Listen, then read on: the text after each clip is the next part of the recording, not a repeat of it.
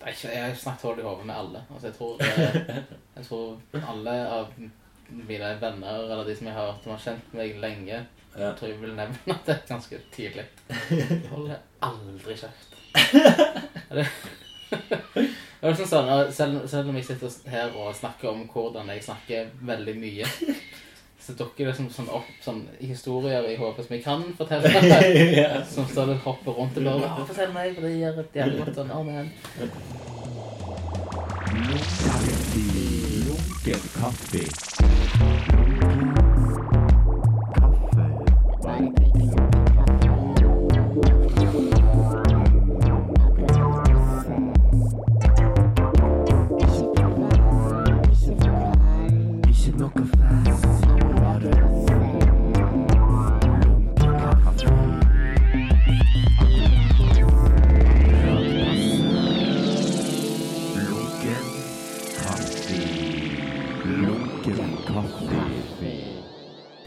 Hvordan er din prosess, liksom? Hvis du skal synge? Hvis jeg skal synge, ja, men det kommer veldig an på. Eh, hvis det er rockegreier, så er det nesten ingenting. Da er det bare mer Skrur det høyt opp. Og så er det den intensiteten og den energien du skal ha. der og da. Men når det har vært Half a King, så har det vært ganske vanskelig. Lager du melodien før du skriver teksten? Noen ganger så gjør jeg det, men mest har det kommet motsatt. Spesielt med Half a King. Da har jeg bare skrevet masse sånne setninger Ja. som jeg syns var kule. Altså, ligger det alltid noen sånn kordprogresjoner holdt å kicke. Mm. Sitter hjemme og så plukker jeg opp gitaren, synger ganske mye gibberish. Og så ah, men der var det en melodilinje. Og så henter du fram liksom alle disse Ja. Så plukker du ut setninger som var kule. Å, den setningen er dritkul. Den vil jeg ha med. Det, den, det temaet har jeg sunget mye før, så det fortsetter med. Og sånne ting. Så det er ganske merkelig sånn Frankenstein. Rent å sette tar- sammen ja, ja. et eller annet monster. Og så forandrer det seg når du skal ta med de andre. Ja. Spille med de. Da må du tenke på rytmer, da må du tenke på hvor lange partiene skal være. Mm. Eh, og jeg har jo ingen bakgrunn i eh, musikk eller noe, så jeg kan jo ingenting. Så jeg pleier egentlig bare å si Nå spiller jeg sangen, og så vet jeg hva jeg ikke vil ha, men jeg vet ikke helt hva jeg vil ha. Så jeg sier bare nei helt til de finner noe som jeg liker. Hvem hvem er det du jobber da, når du ikke er her for King? Da er det for ymse folk. Har du mange band? Jeg har vært i fire. Tre rockeband. Så jeg gikk nå, så blir det vel band nummer fem. dette. Hva det heter for noe? Det heter Kåte Klør. Kåte klør. Det er et bandene som jeg kom på for noen år siden, tenkte jeg, men det var så jævlig fett det band til Kåte Klør. Det var svung i det, liksom. Ja, det var liksom det. Og så var det på norsk, det har jeg aldri gjort før. Ja. Så jeg må liksom lære meg hvordan man skal gjøre det. Du skal synge på norsk? Ja, ja. Ja, ja, det blir roping, egentlig. Det er litt, Å ja, det, det er mer eh, punk? Nei. ja, litt mer sånn garasje. Ja. Type 50-60-talls, og så speeder du opp bitte litt og setter på noen effekter og, og sånne ting. Det er veldig gøy. Men jeg har aldri sunget på norsk før, det er ganske merkelig. Og så skal det være liksom sånn på dialekt. eh, synge. Ja, ja. Hvis ikke, så blir det jo for dumt. Eller? Ja, men så skal du ikke også synge om Stavanger. Så det blir sanger om ja vel. Trykk ja vel. Det har det blitt. Sangeren brostein. Det er ikke eh, kriminell kunst har en som heter Javel. Ja, det er en som det er. Har du, har du kjørt den? Jeg har hørt den Javel, ja vel, ja vel. Den. Den er jo catchy, liksom. Ja Den catchy, vel, vel, vel. Sitter her og pilser på en lørdagskveld. det er ikke det, men det er liksom i den veldig enkle rimet, egentlig. Ja, men jeg, jeg digger kriminell kunst. Jeg digger, jeg digger Tore veldig godt. Ja. Um, og så er det liksom sånn, det, er- det er jo litt standarden for hiphop, er ikke det? Å rappe om hvor du kommer fra og Jo, jo, jo. represente. jo. Og det er det ikke så veldig mye i rocken, i hvert fall ikke nå. Bergensere gjør det heftig. Ja. Det er eh, Har de sånne obskure, sånne lokale referanser til Ja. alt mulig. Eh, de er litt, bergensere er veldig stolte over Bergen òg. Ja. Kjent for det. Jeg tror stavangerfolk er litt kjent for å være stolt av Stavanger, samtidig som de gjør det faen. Det er litt ydmyk, ja, kanskje. Jeg vet ikke. Som de er så brede som bergensere er. Nei. Det syns jeg er litt gøy. Eh, og det var eh, Hva skal jeg synge om? Vi har sunget om det meste, og det er veldig få originale temaer igjen å ta av der ute. Mm. Så husker jeg hvordan det var å springe rundt 16-17, kanskje til og med 18-årsalderen. Høre på de gamle lokale bandene. Johnny Hancocks, Ja. Rosa Park. Jeg skulle alltid synge på, på engelsk. Ja. Men de andre rockebandene jeg har hatt, som The Bakermen og The Coffinheads og The Grandmas, har jeg også sunget på engelsk. Mest ble de to, to siste. Det var det amerikanere jeg Å Ah, ja. Men de var her? Eller de, de holdt De jobba på Folken, ja. Og så okay. lærte her. ja. Og så jobbet jeg ganske mye på Folken. Og Ja. Han er innspilt til bass, men jeg tvang han til å spille trommer. Ok. Uh, og da var det liksom bare greit å synge på engelsk. Men da ble det liksom Du kommer veldig fort opp i klisjeene. Så tenkte jeg Ja. det var litt kult. Det var sånn garasjerockband som sang om Martinique, eller som sang om sement. Ja, ja. Og Det, det jeg husker fra som jeg, det miljøet jeg er i. Men det blir jo alltid mye mer personlig når du går på dialekt og sånn. Nei, nei. Så uansett om du synger Martinique Hvis du Ja, sånn det som sant. ble Men det føltes sykt merkelig første øving. Og skulle synge en sang om Martinique. og Det er veldig mye ensomme mennesker på Martinique av og til. Mm. Hvis du sånn, følger litt med. Men mye stamgjester. Kanskje henger i baren, eller bare sitter i hjørnet. Ja. Um, Jeg sitter bare utenfor øyet. for eksempel. Mm. Og det første jeg skulle synge det høyt på, på øving foran Thommessen, så var det føltes litt så merkelig, liksom. Sånn, men jeg kommer til å le dette her. Og da var det litt lettere å starte med å bare synge om ja vel, og bare gjøre det om til sånn kjærlighetsgreie. Så det er poenget i min sang da, at uh, hun som jeg synger til, må bare si ja vel. Ja. Og så blir det kjempekjekt dette her. Ja, ja. Bare koselig. Mm. Så får vi se om man gjør akkurat den sangen ut. Det er ikke Tore springer etter til meg med noen royalties. Nei, det er jo ikke noe Jeg tror royalty. ikke Det jeg tror ikke det. Det er jo, det er jo noe helt annet. enn det er han, eh, men du, hvis du kjenner noe, så kan du liksom kanskje si sånn ah, vi har òg en sang. Jeg tror jeg har nevnt det til han. Ok. Men Det er litt sånn, det angriper det fra litt forskjellige ståsteder. Ja, det må jo gjøre det. Så det blir eh, Det er ikke så veldig Det er jo tre akkorder og går kjempefort og er litt sånn blues-punk-sang. Ok, ja. Så jeg tror ikke de kommer til å trekke, trekke så veldig mye paralleller til det. Nei. Selv om punk er Ja, du tar en referanse i, i sangen. Sånn som kriminell kunst. Ja vel. Det jeg tenker er sånn remix, B-side Jeg får med Tore Pang på Første remix. konserten så kan de bare fyre ut hele kriminellen, så tar de Så tar de et minutt av tar de et refreng, og så kan jeg komme tilbake igjen og prøve. Så varer han bare i sånn halvannet minutt eller et eller annet, så det er ganske gøy. Ok, er det sånn? Det er det dass. kjempe det går ikke så fort, men det er liksom Ja, det er garasjepunk. Mm. Det er veldig sånn lite som skiller de to, egentlig. Jeg tror det er mer punk skulle være så sinte. Ja. Jeg er veldig sjelden sint. Nei, det tror ikke jeg heller. Um, Lettere irritert. Akkurat Sånn, nei, åh, Søren klype, ass. Gester. Slår deg i det med åpen neve. Låret. Ja, låret er det beste. Nei, nå gammelmanns tar jeg meg en runde, altså. Nå går jeg meg en tur. Teller du hundre. Eh, kaffe. Ja. Er den klar? Arbeiderkaffe, har du hørt det uttrykket før? Nei. Jeg hadde på, eh, på Randaberg videregående, når jeg gikk der, Ja.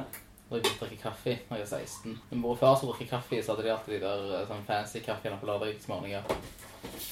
Og så skulle vi drikke kaffe, og så var det liksom sånn skikkelig heavy. Sånn en grøt nesten som du fikk i eh, sånn eh, isoporkrus.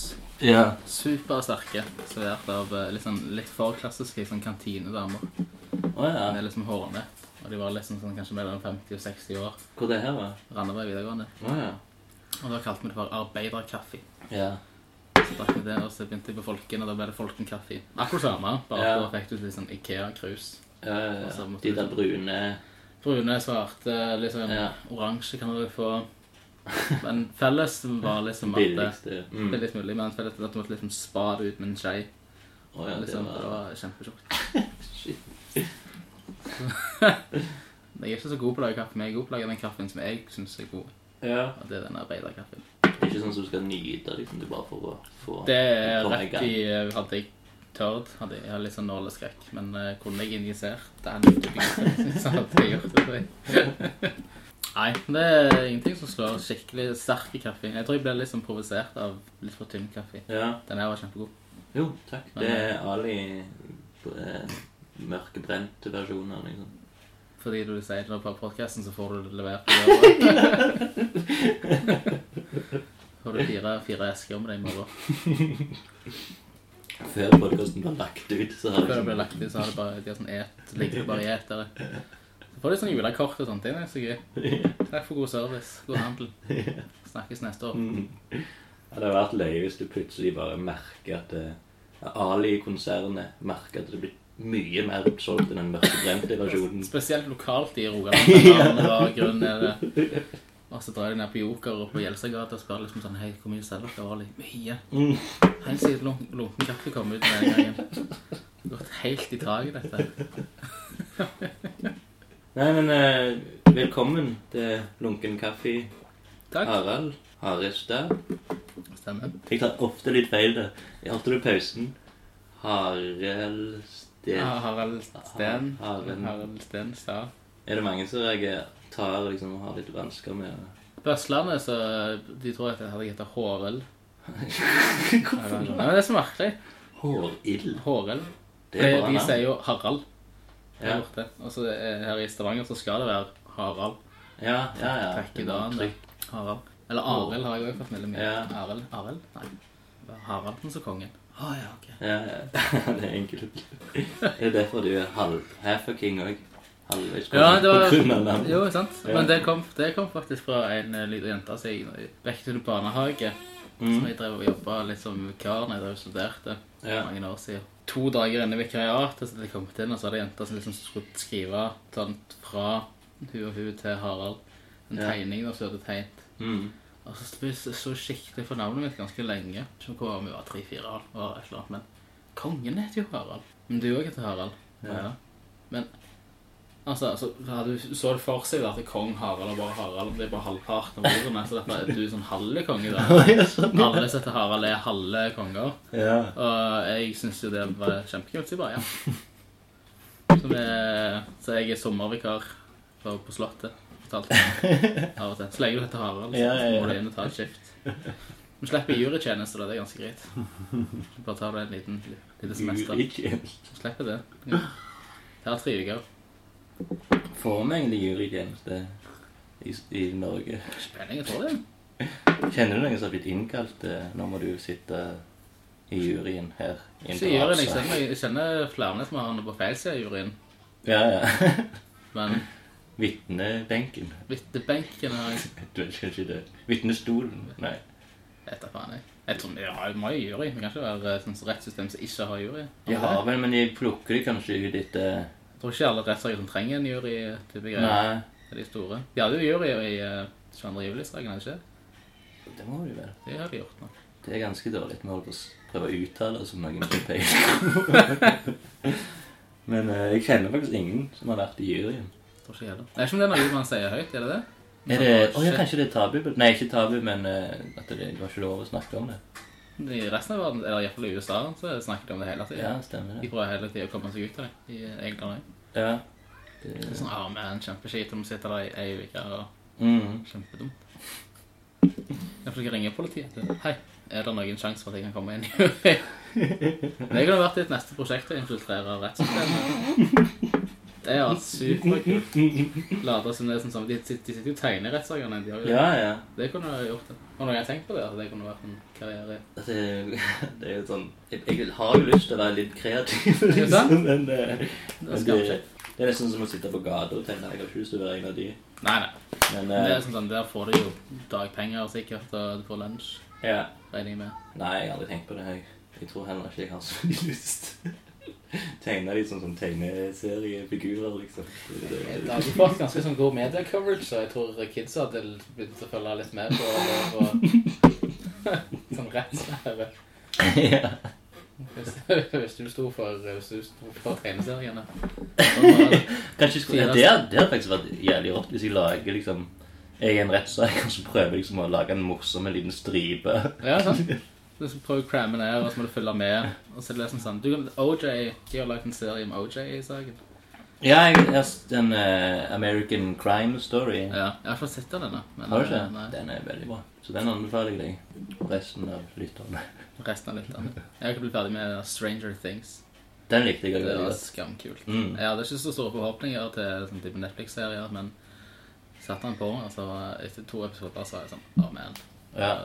Nå gleder jeg meg til å komme hjem så jeg kan se Stranger Things, liksom. Ja, jo, jeg absolutt helt det samme. Det var, det var, så, det var så mye kjekt. Det var så mye ja. koselig og, og kult og spennende og mystisk. Og, de hadde alle Og den nostalgigreia. Ja, ja, ja. Det har den der Stephen King-viben. eh, Ja. De der eh, kompisgjengen som sitter og spiller Dungeons and Dragons. Mhm.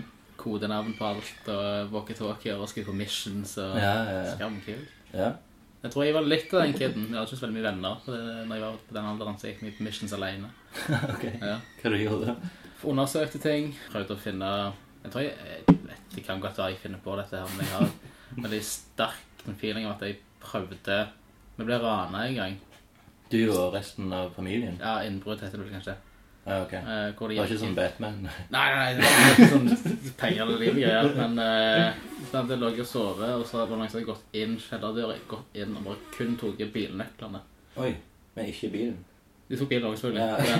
Ikke, ikke noe annet. Jeg tok ikke med seg TV-en, tok ikke med seg Det var ganske godt gjort. så det var, Mamma og morfar var på besøk, så det var liksom sånn Det var 20 stykker som lå og sov. Da skulle det gå ganske, gå ganske seint, altså. Hvor, husker du liksom hvor mange skritt denne måtte ta gå for å få tak i nøkkelen? De måtte opp fra kjelleren, og når jeg kom inn i kjellerinngangen, så ja, rett utfor der så ligger, lå kjellerstua, og der lå besteforeldrene mine og sov. Ja, Så de må liksom opp Liste seg forbi de veldig mange knirkete trapper, liksom sånn opp da i liksom, i inngangen. Ja. Og så forbi mitt soverom og badet til kjøkkenet som lå rett med hovedinngangen. Shit. Tok nøklene, så gikk det liksom samme vei ned. Det eneste som var igjen, var jeg tror, et, et sånn fotavtrykk. Ok. For det gikk ganske lang tid før vi fant ut av det. Jeg tror faren min sto opp tidlig, og så skulle han ut av Han har sånn rutine at han ble, i helgene så går han kjøre han alltid ut Ja. et lite stykke for å handle. Og sånn litt sånn koselig lørdagshandel-greie. ja, ja. Akkurat når butikken åpner, eller Ja, han er så opp til ni-ti-tida, og så er han ute halvt sånn før han dusjer. ja. Så er hjemme hos noen med andre våkne, så er det liksom full frokost og kaffe Mm. og radio på gang. Og radio på gang. kjempekoselig. Og jeg tror det var at det er at han var kjempetrøtt, og så skulle han liksom ja, komme seg ut for å hente, og så var ikke bilen der. Men da skulle du være sånn Sherlock Holmes? Da var jeg skikkelig for det, det hadde jeg akkurat sett eh, Jeg husker ikke hvor gammel jeg var, men jeg tror ikke jeg var mer enn 10-11. kanskje. Og da hadde jeg akkurat sett Basil Moose. Ja. Den eh, Sherlock Holmes, Ja. Eller Ja, det var veldig sånn Plagiat. hommage til Og jeg var veldig glad i Sherlock Holmes, alt med med detektivting å gjøre. Så da Likte du Mikke Mus når han var detektiv? Ja, litt. Det så. Men det var når jeg så Basil Movies, at det var sånn OK, her har vi karakteren, liksom. Her har vi her, og Han kan der. du identifisere deg med. Han kan jeg identifisere meg med Mikke Mus er litt barnslig. Ja. Mens her var det liksom sånn Å, man, han Ja. Mm. Han, eh, det var jo statskupp i den filmen der. Så de forsto med en rotte som skal ta over verden. Ja. Så det var sånn, sånn skikkelig greie. Så ra- sånn raserte de uh, Big Ben. Så det var liksom sånn å, man, Kjempe, kjempekule greier. Ja. Eh, så jeg tror jeg la, la ut sånn, vet sånn, sånn polititeip rundt som et mord i gamle filmer. Så de tegnet opp en sånn mann Ja, ja, som like lå, ja. og så er det sånn polititeip rundt. Mm. Så jeg tror jeg tok en svær sirkel rundt det der fotavtrykket ja. og prøvde i mange timer å få til den teipen rundt. altså, gikk det selv bare. Men hva var det liksom jord eller noe sånn? Det er sånn fotavtrykk de hadde bare gått og se inn, og så var det Altså en, støv? en støveltype greier. Ja. Eh, de fant bilen etter noen dager, tror jeg, ja, på Bihaugen eller en plass. Så jeg tror med en gang de fant den, så ble ikke jeg så interessert i den saken lenger.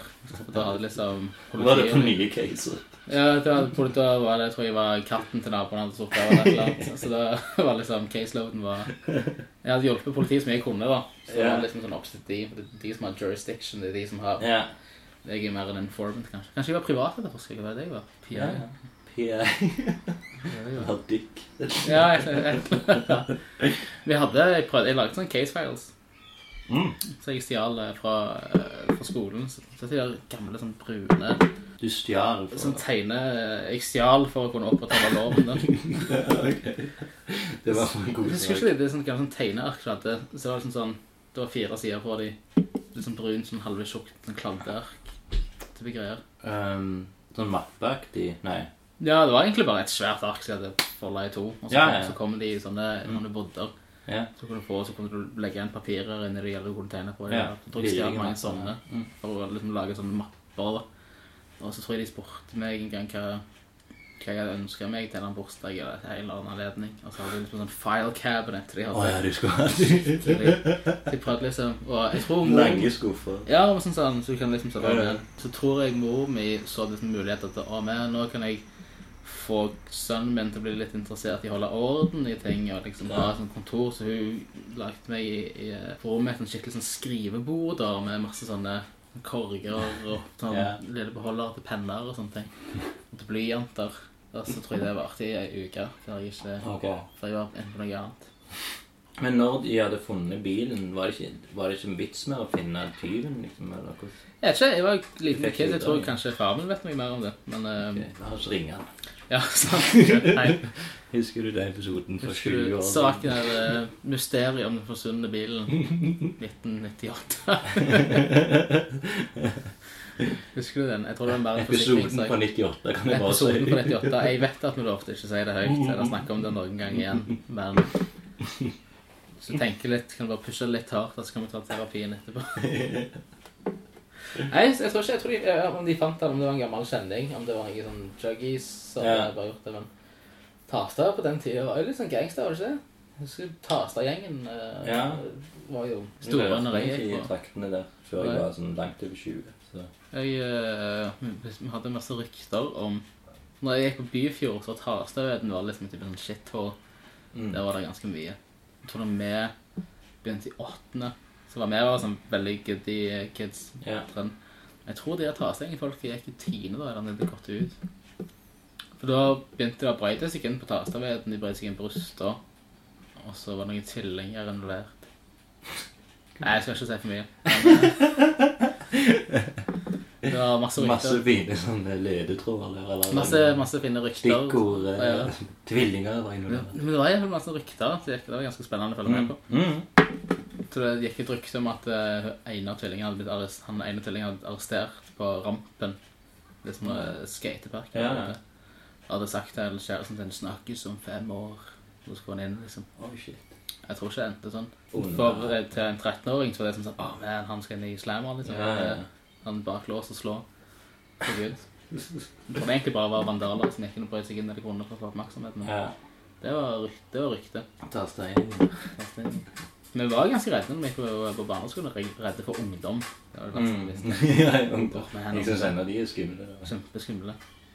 Kanskje ikke nå for meg, når jeg vet det liksom. Hvis du jobber litt med de av og til Denne lyden her er litt sånn på lag. Sånn. Mysteriet om den rare lyden. sånn. Jeg har løst problemet. Case closed. Eh, nei, eh, jeg ble jo oppvokst på Hillevåg, og der var det egentlig ikke så mye gjengkultur. Jeg har bodd der en liten periode. I eh, Vårlikroken.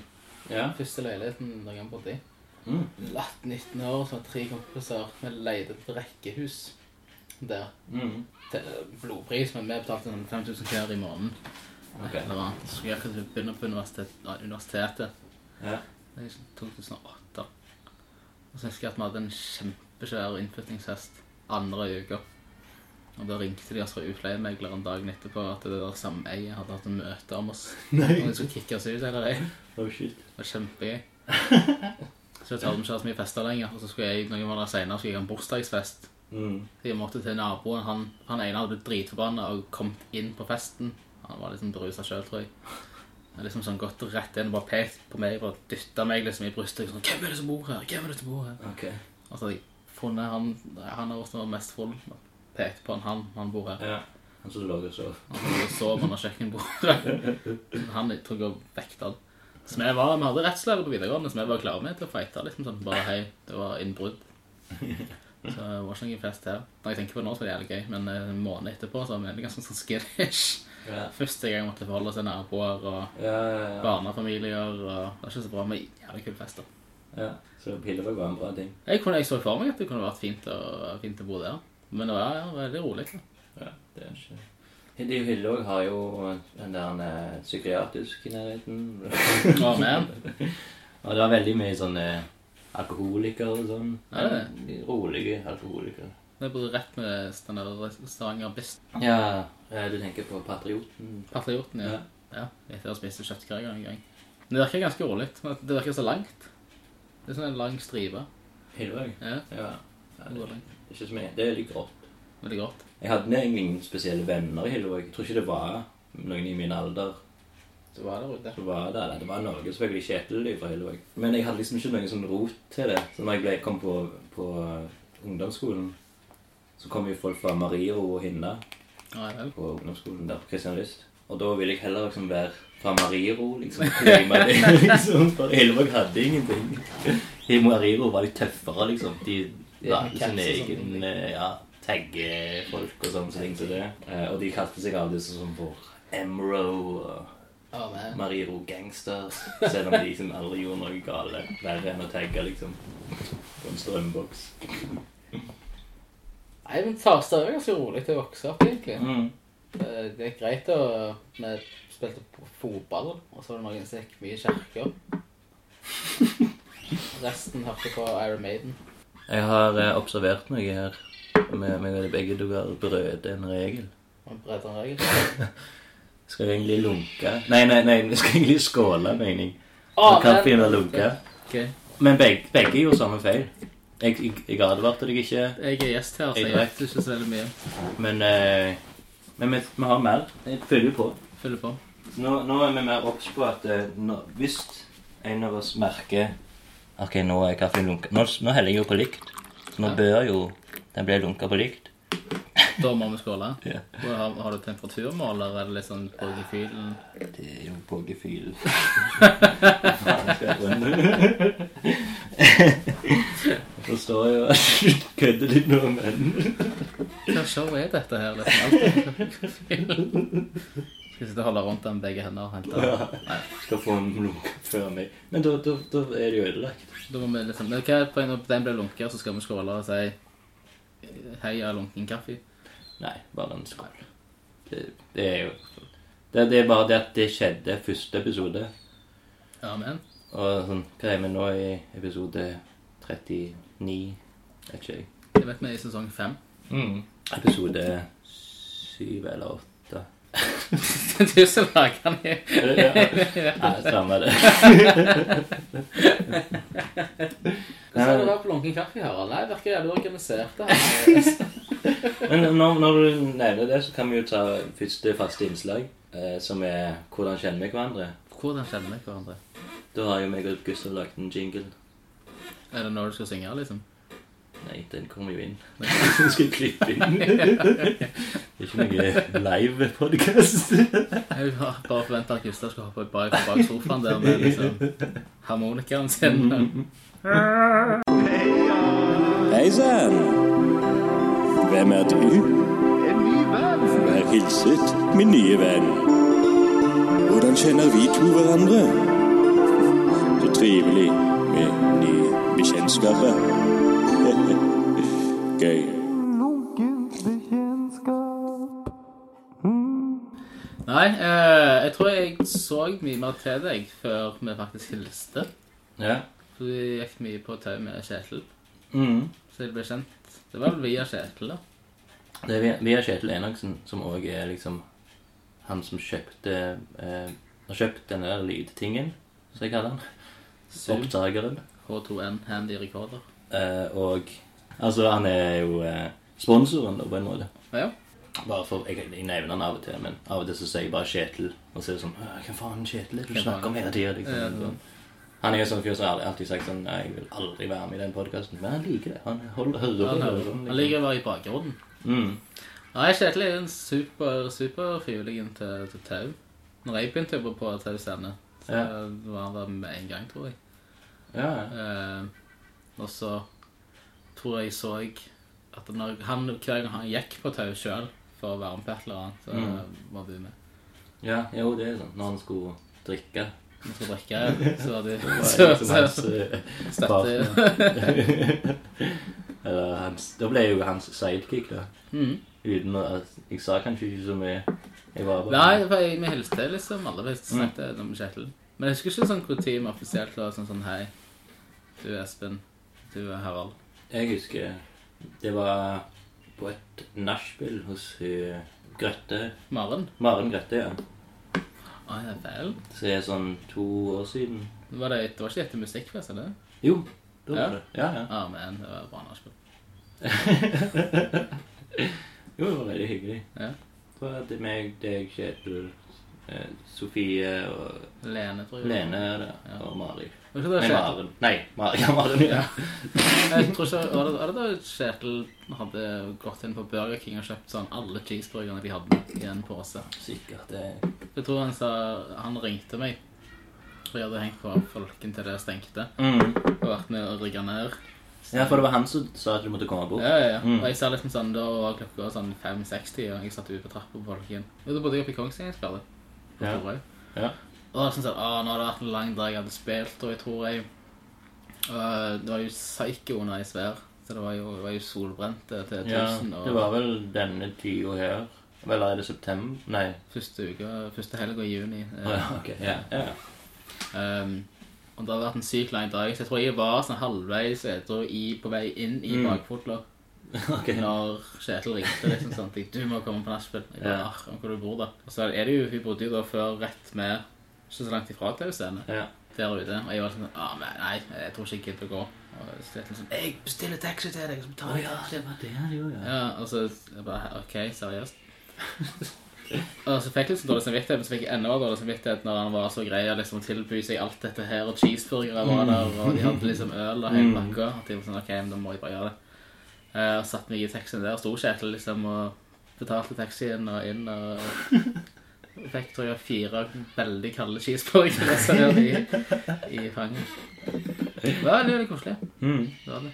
Jeg kan regne med at det, liksom, når jeg- jeg traff deg der, så tok det kanskje et halvt år før jeg så deg igjen. Jeg Og vet ikke hva du holdt på med på den tida. Det var jo før jeg liksom ble sosial, jeg si. Før jeg gikk ut blant folk.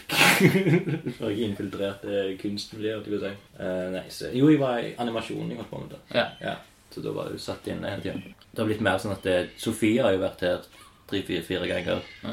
Og hun har jo nevnt det ganske mye, Og dere er gode venner. Så er det vel egentlig nå i det siste vi har liksom hatt mer og mer dialoger. Ja, du, med med utstillingen din og, og, og alt, så er det liksom sånn Du har vært mer ute, kanskje? Ja, det er det. Nei, for jeg tror på, når vi først møttes, så jobbet jo jeg på Storhaug skole. Mm. Ja, da var jeg akkurat ferdig med første året, kanskje. Og da hadde jeg kjempemye fri. Hadde litt igjen på første året der.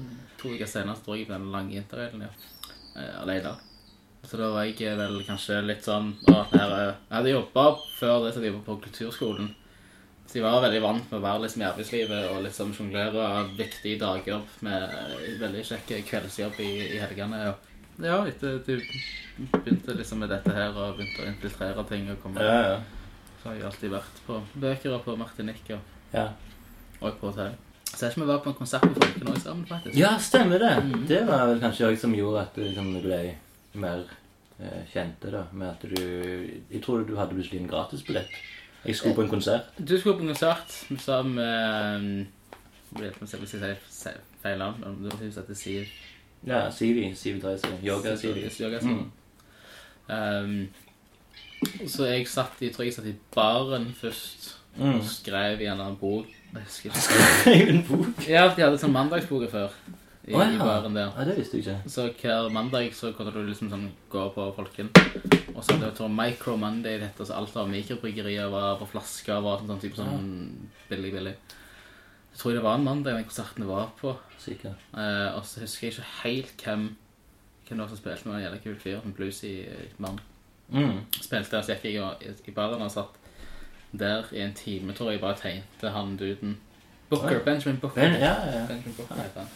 Og jeg, skrev, jeg tror jeg skrev sånn to sider, en liten novelle om Benjamin Booker. At uh, man må booke han inn til å spille. ja. Book Benjamin Booker. og så var det noen andre som også begynte å tegne.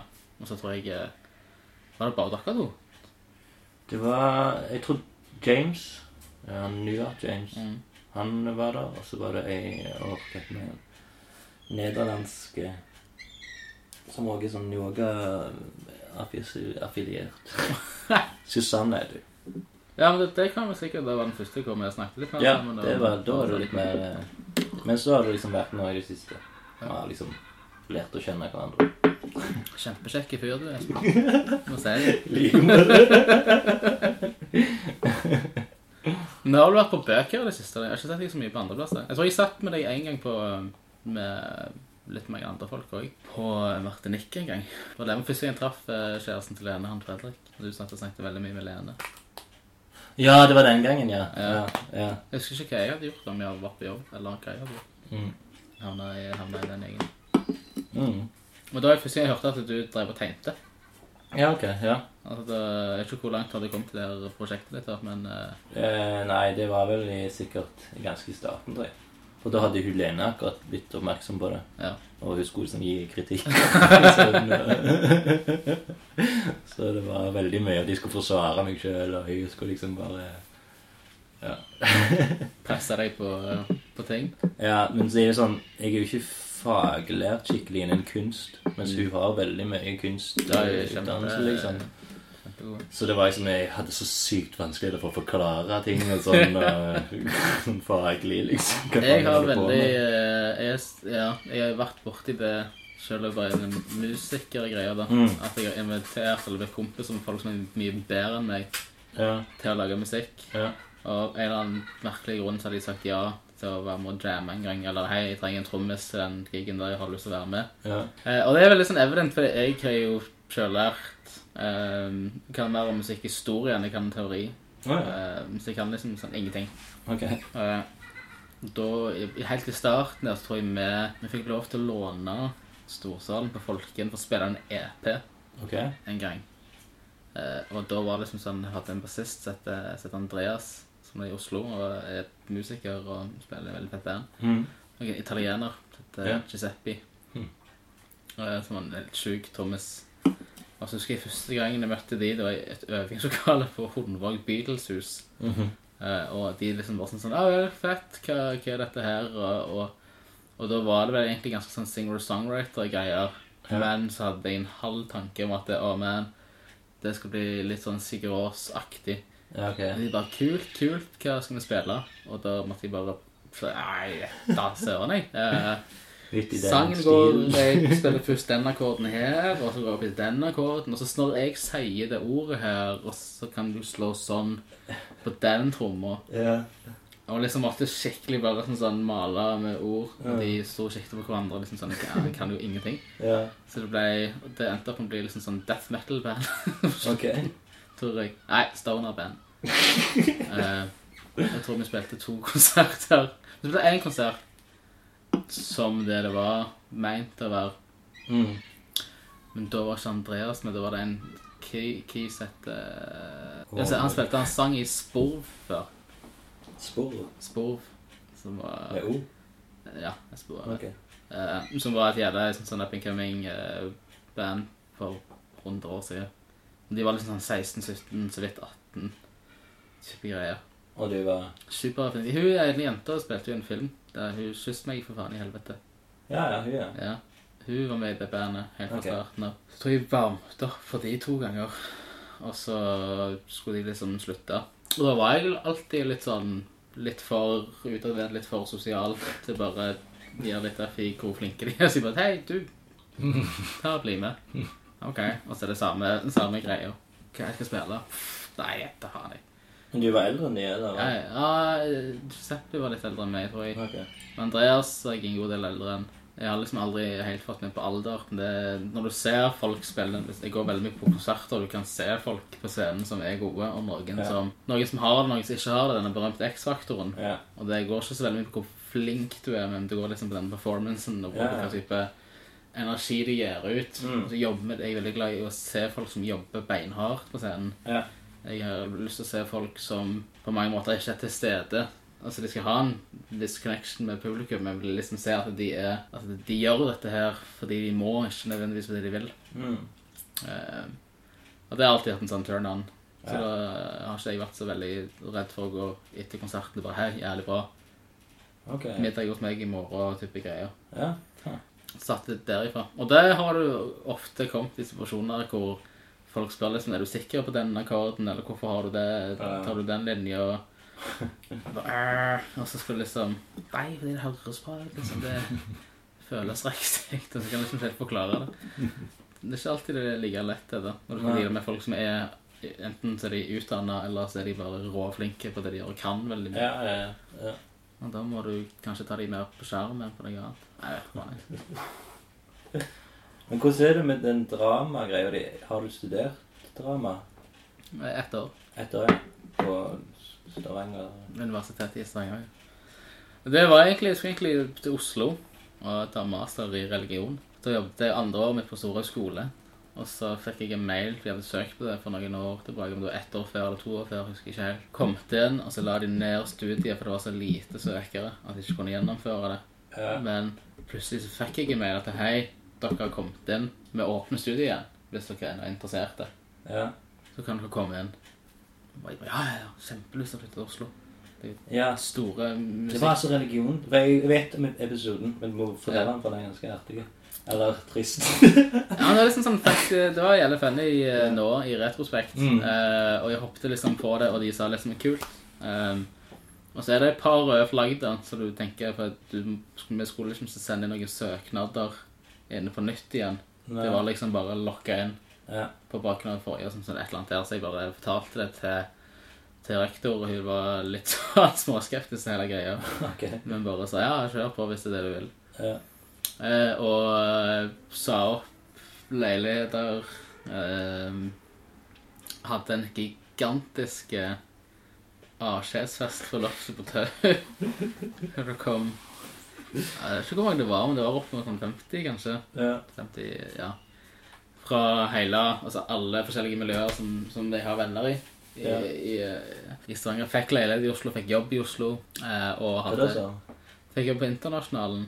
Ok. Eh, og leiligheten var liksom rett bak Datter til Hagen eh, på Grønland. Ja, nice. Eh, og det var alt var liksom til rette. da Ja. Og så hadde jeg en avtale jeg skulle fly opp midten av juli, to uker etter denne festen, og liksom signere sånn masterkontrakt og virkelig møte disse her som jeg skulle bo med, og, og virkelig synke meg inn i Oslo. Ja.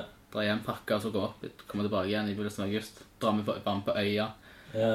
Alt. Og så komme inn. Eh, Sofie skal egentlig være med på den tu første turen i, i juli. da Ja, ok. Eh, og så fikk jeg sånn psycho-betennelse i, i munnen eller et eller annet. Ja. Så hun kunne ikke være med. Så det var sånn, sånn, sånn ja, jeg husker jo, hun Skikkelig- om det greiene. På dagen før så det sånn du, du må reise alene. Og så gjorde jeg det. Og så på fredagsmorgen og traff han her som jeg bo med litt senere på kvelden. Kjempekjekt. Mm. Og fikk liksom en liten tur av leiligheten og tak. eh, Sånn takterrasse hadde de. Og kjempekul fyr. Ja. Fotballinteressert, eh, og alt var liksom psycho nice. Ja. Så Dagen etterpå så drar jeg opp til Blindern og møter de andre fire som Ja. hadde fått samme mail. Mm. Det var folk fra Finnmark, det var folk fra Molde og liksom sånn Kristiansand. Så det var liksom folk hadde reist langt. Ja. Og vi går liksom sammen opp til en liten så, sånn uskyldig liten eh, sånn resepsjonist. ja, jeg skal treffe sånn og sånn. Og hun ble sånn skamrød. Bare Nei, du Ja, OK. mhm. Så vi bare trykker liksom på noen knapper og får noe på telefonen, og så kommer det inn en eller annen instituttleder og Ja. forteller oss at nei, det er han som har lov til å den plassen der, har dratt på ferie uten å liksom følge regelverket helt, da. Så basically, dere har ikke plass. Og nå har vi fulgt opp studiet, så nå er dere på ventelista. Og da kommer det, vi kommer ikke til å supplere inn. Så dere får liksom ikke. Og Men du sa det var venteliste, men det er ikke sjans liksom. vi liksom. kommer ikke til å supplere den. Mm. Det, folk sier liksom ikke nei til Jeg tror de som Ja. allerede kommet inn, de, det, det Ja, er ganske sånn evident at de kommer til å fullføre. Ja. Uh, og sånne ting. Og da var sånn sånn, ja, OK. Du kjenner liksom ikke helt uh, hva Nei, nei. den uh, synkende feelingen når du går drar ned igjen til sentrum og jeg må tilbake igjen til han. Og sier du, det her... Nei, jeg fikk liksom ikke den. Jeg var liksom ikke så interessert i å, å liksom krige meg til fire deltidsjobber for å liksom ha råd til dette her. Jeg måtte inn på internasjonalen igjen og si sorry. Eh, de var liksom De var såpass hyggelige om det at det, det gjorde litt ekstra vondt. Så det vært litt Ja. kult at de, hvis de hadde vært eh, litt sånn sinte, så hadde det liksom gått litt bedre. Måtte bare henge, så hang jeg litt med Morten Ja. den kvelden. Og ja, reiste hjem på søndagen. Og jeg var liksom sånn Jeg skal ikke si det til noen. Jeg skal ikke si det til noen. Så traff jeg jo på, på folk i høyre og venstre. Da måtte jeg liksom bare Det ble ikke noe av. Fordi folk, når jeg traff på folk på gata, så var det liksom sånn Hei, når flytter du? Ja. Nei, ikke i det hele tatt. invitert alle vennene dine på farvelfest. Og så Nei, det var ingen farvel. Det var ikke noe goodbye, det der, altså.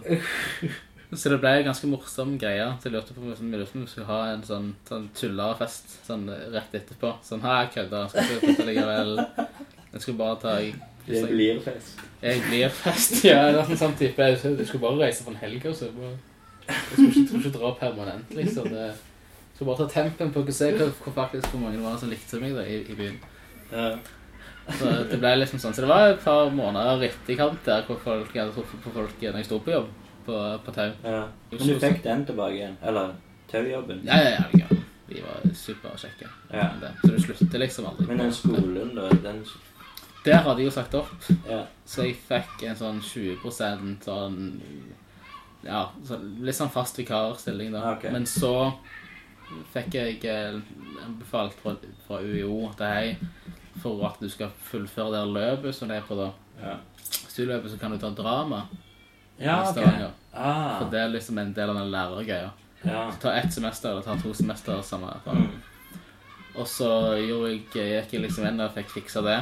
Og det tror jeg var liksom starten på Jeg skjønte jækla mye da, i løpet av de første månedene der. Ja. At å, dette her er skambra, både for meg personlig og Mm. for, for typ, det kreative som jeg har lyst til å gjøre. Ja. Um, så jeg anbefaler alle å gjøre det. Mm. Uh, Gå et år drama. Gå år drama, ja. Jeg synes sånn, etter jeg var ferdig med det nå nettopp i, i sommer, så er jeg fremdeles av den oppfatning at det, det burde nesten vært litt uh, obligatorisk. Ok. For det, det gjør det gjør psycho mye med deg Ja. eh, som person, og spesielt når du, hvis du begynner rett på universitetet når du som 18-åring, kanskje i en ny by, eh, så kommer du inn til liksom, du vet ikke ennå, men de du går med, det blir en familie, Mm. Eh, Og du får dra på festivaler eh, sammen, teaterfestivaler sammen. Du får eh, lærere som er helt Det er så speisa at det blir kanonkult. Ja, ja, ja. Eh, og de jobber med deg sjøl. De jobber med selvtillit. Det går på det å kunne presentere. Oh, ja. Det å kunne ta, ta ledelse. Ja. ja. Og du leker ekstremt mye. Og det, og det å leke, selv som voksen, er jævla viktig. Mm. Så det hadde jeg liksom tenkt, Vi var jævla skeptiske når jeg kom inn der, og det kom sånn ti minutter for sent, og, og var liksom ikke helt klar over hva type studium dette her er, men det er 100 det er hver dag, det er blodhard jobbing. Ja. så jeg kom der eh, til studiestart, og jeg må sitte i en sirkel med masse fremmede folk. Og så er det noen blomster i midten, så det så ut som sånn kultgreie. Ja, ja, ja. Og setter meg ned liksom og eller helt sånn, vet ikke hva dette her er for noe. Og så skal du, du skal gå opp og gi en blomst. Du skal ta en blomst som symboliserer deg. Så, så er de i forskjellige farger da. Ja. Så jeg tok en blå blomst og blått for blues. Ja. Så greier den liker jeg. Og så skal du, etterpå det, så skal du gi den blomsten til en eller annen i sirkelen. Du har aldri truffet, du har, du har ikke hilst på dem. det hadde sett jævlig ut. Så skal du gi, altså jeg gir den liksom til, til, til, til Lynn. Eh, Som du kjente? Eller? bare- Nei, nei, nei, du kjente ingen? jeg har aldri mer, Jeg tror vi har sagt navnet vårt høyt en gang i en Ja. sirkel. Mm. Eh, og så skal vi liksom gi den. Og da er det bare basert på litt sånn, sånn intuitivt Ja, du virker som en kul, Ja. kul person. Så etterpå så, skal du, så får du en blomst òg, så skal du si hva den blomsten du har fått, hva du tror det den blomsten symboliserer. Både for deg sjøl og for den personen du fikk den av. Så jeg fikk en gul blomst. Jeg bare sånn Nei, lystig. Um, glad. Da var jeg jo veldig, veldig sånn, sånn veldig, ja, lei meg da for at jeg ikke var i Oslo. Ja. Det, alt var liksom bare superspeisa. Ja, ja, ja. Men så gikk det den uka med helt banale ting. Som leging og yoga og kontaktimprovisasjon. Eh, veldig mye kroppslig. Og dansing, som jeg Mm. ikke kan fordra. um, men alt var liksom bare ok. Og så, ja, uke to så var jeg helt ekte. Ja. Da skjønte jeg liksom at men, det her er, Nei, det høres jo ut som det er sånn det er noe bra. at du, du bryter liksom personlige barrierer. Kjempemye. Så det er jo Det er bra. Jeg hadde aldri takla det, liksom. Det er bare det å bare ta en blomst og prøve ukjente folk så bare Hva tenker den personen når jeg gir den? eh, Ja, for men det, det skal Hvorfor velger jeg nå å bli andre sure hvis jeg ikke velger de? Sånn, jeg vet ikke, det er sånn Men eh, med en gang jeg snakker om drama, så skjer det ganske mye kule ting. Nå er Ja. kaffen blitt lunken. Ja, Å, det men jeg klarte det. er supert. Skål. Skål.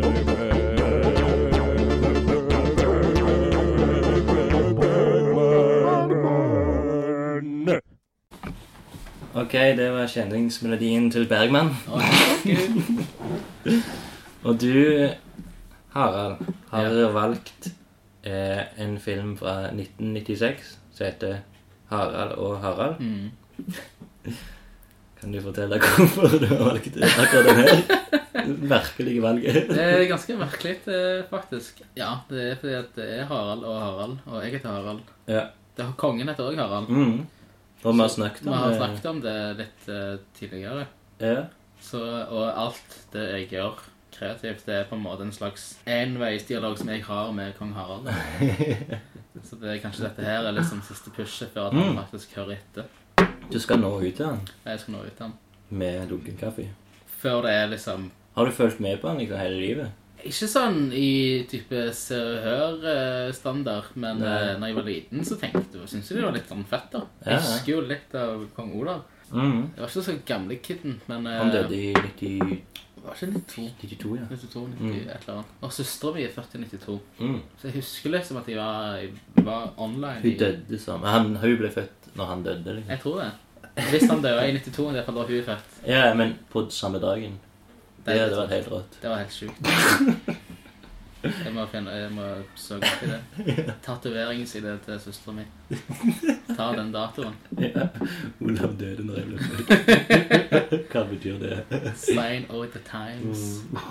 Nei, men det er sånn sånn, når jeg var kid, så var jeg det ganske Det var type sånn barnehagetanter Kan jo kommentere det. Mm. Når jeg begynte som lærer på Storhøgskole i første klasse, så det var jo også det jeg sa jo liksom sånn Når folk hvis du trengte hjelp til å huske Nei, kongen heter Harald. Mm. Jeg heter Harald. Ja, ja. Og så har du en vits med en gang. For det er jeg som er kongen. Ja, ja.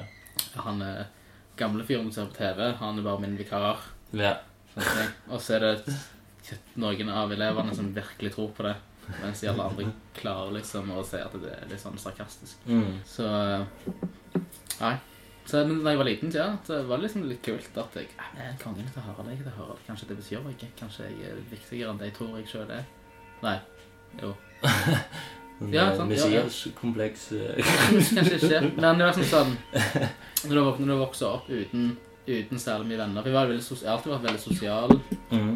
men det tok veldig lang tid før jeg fant Ikke på videregående, at jeg fant folk som syntes at det jeg sa, var kanskje løye, eller de, Ja, okay. den musikken jeg hørte på, var bra, Mm. eller det jeg hadde å si, var, var morsomt. Ja, ja.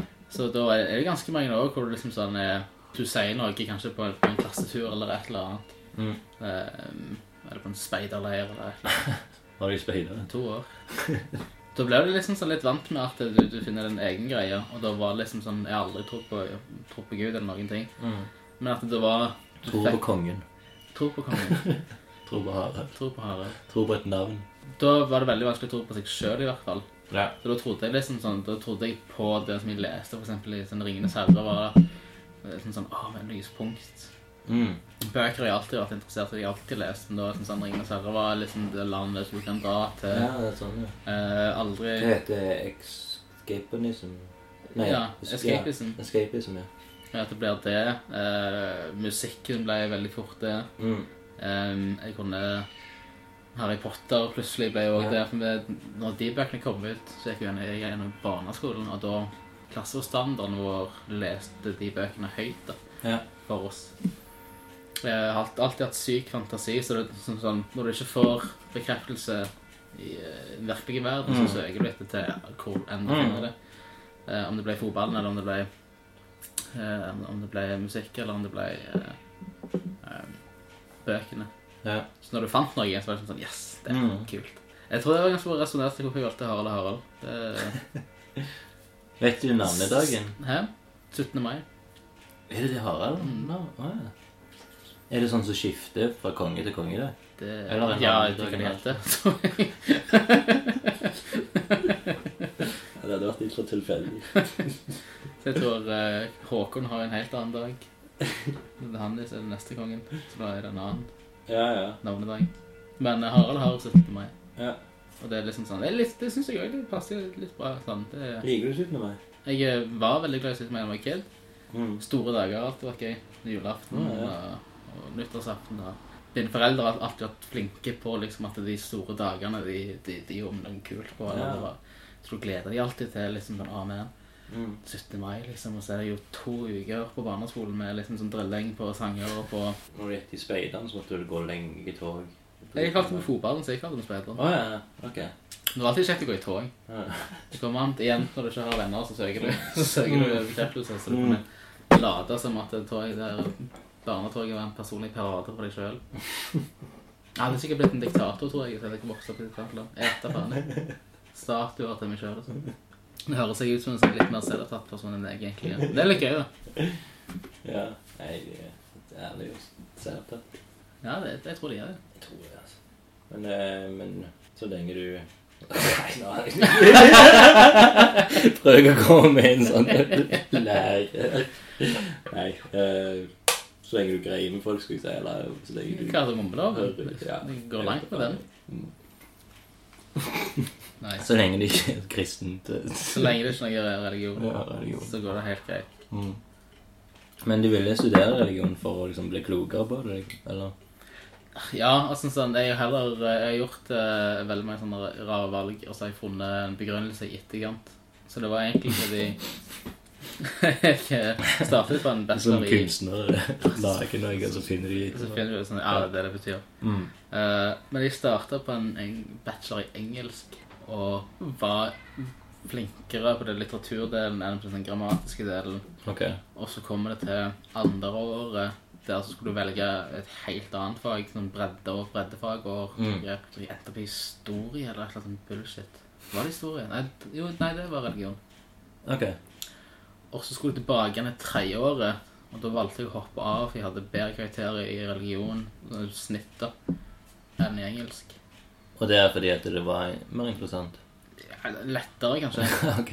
Um, det er lettere å stå opp om morgenen. Jeg vet ikke, jeg. Men uh, jeg tror jeg tok det er litteratur. Gunstig tidspunkt. På engelsk måtte du stå opp klokka åtte. Religion så kunne du slentre inn klokka ti. Kanskje det er noe med saken å gjøre. Um, nei, men det, er at det blir alltid litt sånn nysgjerrig på ting som du ikke selv tror på, da. og Mm. hvor viktig det er for, for mange folk ennå. ja. Og hvor lenge det kommer til å, å, være viktig for folk. Ja. Som det er spesielt nå, når vi lever i ekstreme tida. Ja, ja. Hvor de, de som er moderate i uansett hvilken religion du tilhører, kanskje ikke blir hørt så jækla mye. At nå er det enten så er du der ute, eller Mm. helt på høyresida, eller så er du uh, artist. Ja. Så det blir og den, den, de som er i midten, kanskje ikke får snakket høyt nok. Tenker du på eh, Type sånn, altså sånn, de kan, de har, Jeg tenker kanskje på de som identifiserer seg sånn som personlige kristen. ja. De som ikke går i kirke, og de som drikker, og, eller de som, men som har et personlig altså De får noen, en trygghet ifra det å tro, da. Men agnostikere, tenkte jeg, tenkte jeg på. Da er, du, ikke- da er du ikke sikker på hva du tror på. Ja, på Norge. det, jeg syns den er så, den er så kjekk. Det er kjempegøy. Er veldig, veldig koselig. Han er sånn Du trenger liksom ikke ha noe Du trenger ikke ha en mening, liksom. liksom. jeg, jeg var, jeg var jeg, veldig lenge så, jeg sa det til folk hvis folk spurte hva Ja. jeg trodde på. Mm. Så jeg jeg tror jeg er en agnostiker. Mm. For det er liksom det der Jeg liker å tro på, på magi, da. Jeg, jeg, jeg liker å tro at det, det er noen ting som bare skjer, og vi kommer ikke til å finne ut hvorfor. Mm. Så jeg er en veldig glad i, i vitenskap og forskning. Jeg synes det er kjempekjekt. Yeah. Når de lager dokumentarer og sånn Å, man, se på blomstene der, liksom. Se, Mm. se, se hvordan det, det går, og se hvorfor gjør vannbøffelen sånn. Det vet vi ikke. Hva vannbløffen gjør? Ja. Man Springer i vannet. Sånn, Annethvert år så trekker de til en eller annen plass, og så vet ingen hvorfor. Altså, sånn, det, er en type hvithaien det hoppet utfor kysten i, i Sør-Afrika. Så, så når du skal ta bytter og sånne ting, så tar de rennefart på dypet og tar måker eller seler. Ah, okay. Det er den eneste plassen de gjør det på. Wow. Ingen kan forklare helt Det er bedre at det er, sånn, at det er alien som styrer de. Ja. Og så er det han ene tyleren uh, ikke i en som svømmer rundt med en sånn uh, sølvpapir på hodet. Det var det nice, faktisk. Nei, men så, jeg husker Globus 2 da jeg var kid. Det likte jeg jævlig godt å se på. God Eh, historie. Ja. Det var jævlig gøy. Ja. Eh, og David Attenborough og sånne ting. Og Shark Mm. Week. Å ja, Ja, det, sånn- jeg digger det. Nei, synes sånn, jeg har ikke hatt kanaler eh, siden jeg var 20 på TV-en. Men eh, sånn, hvis du bare flipper gjennom og så finner du Shark Week, så vet du at det her Nå har jeg åtte timer med haier. eh, som bare er kjempegøy, liksom. Ja.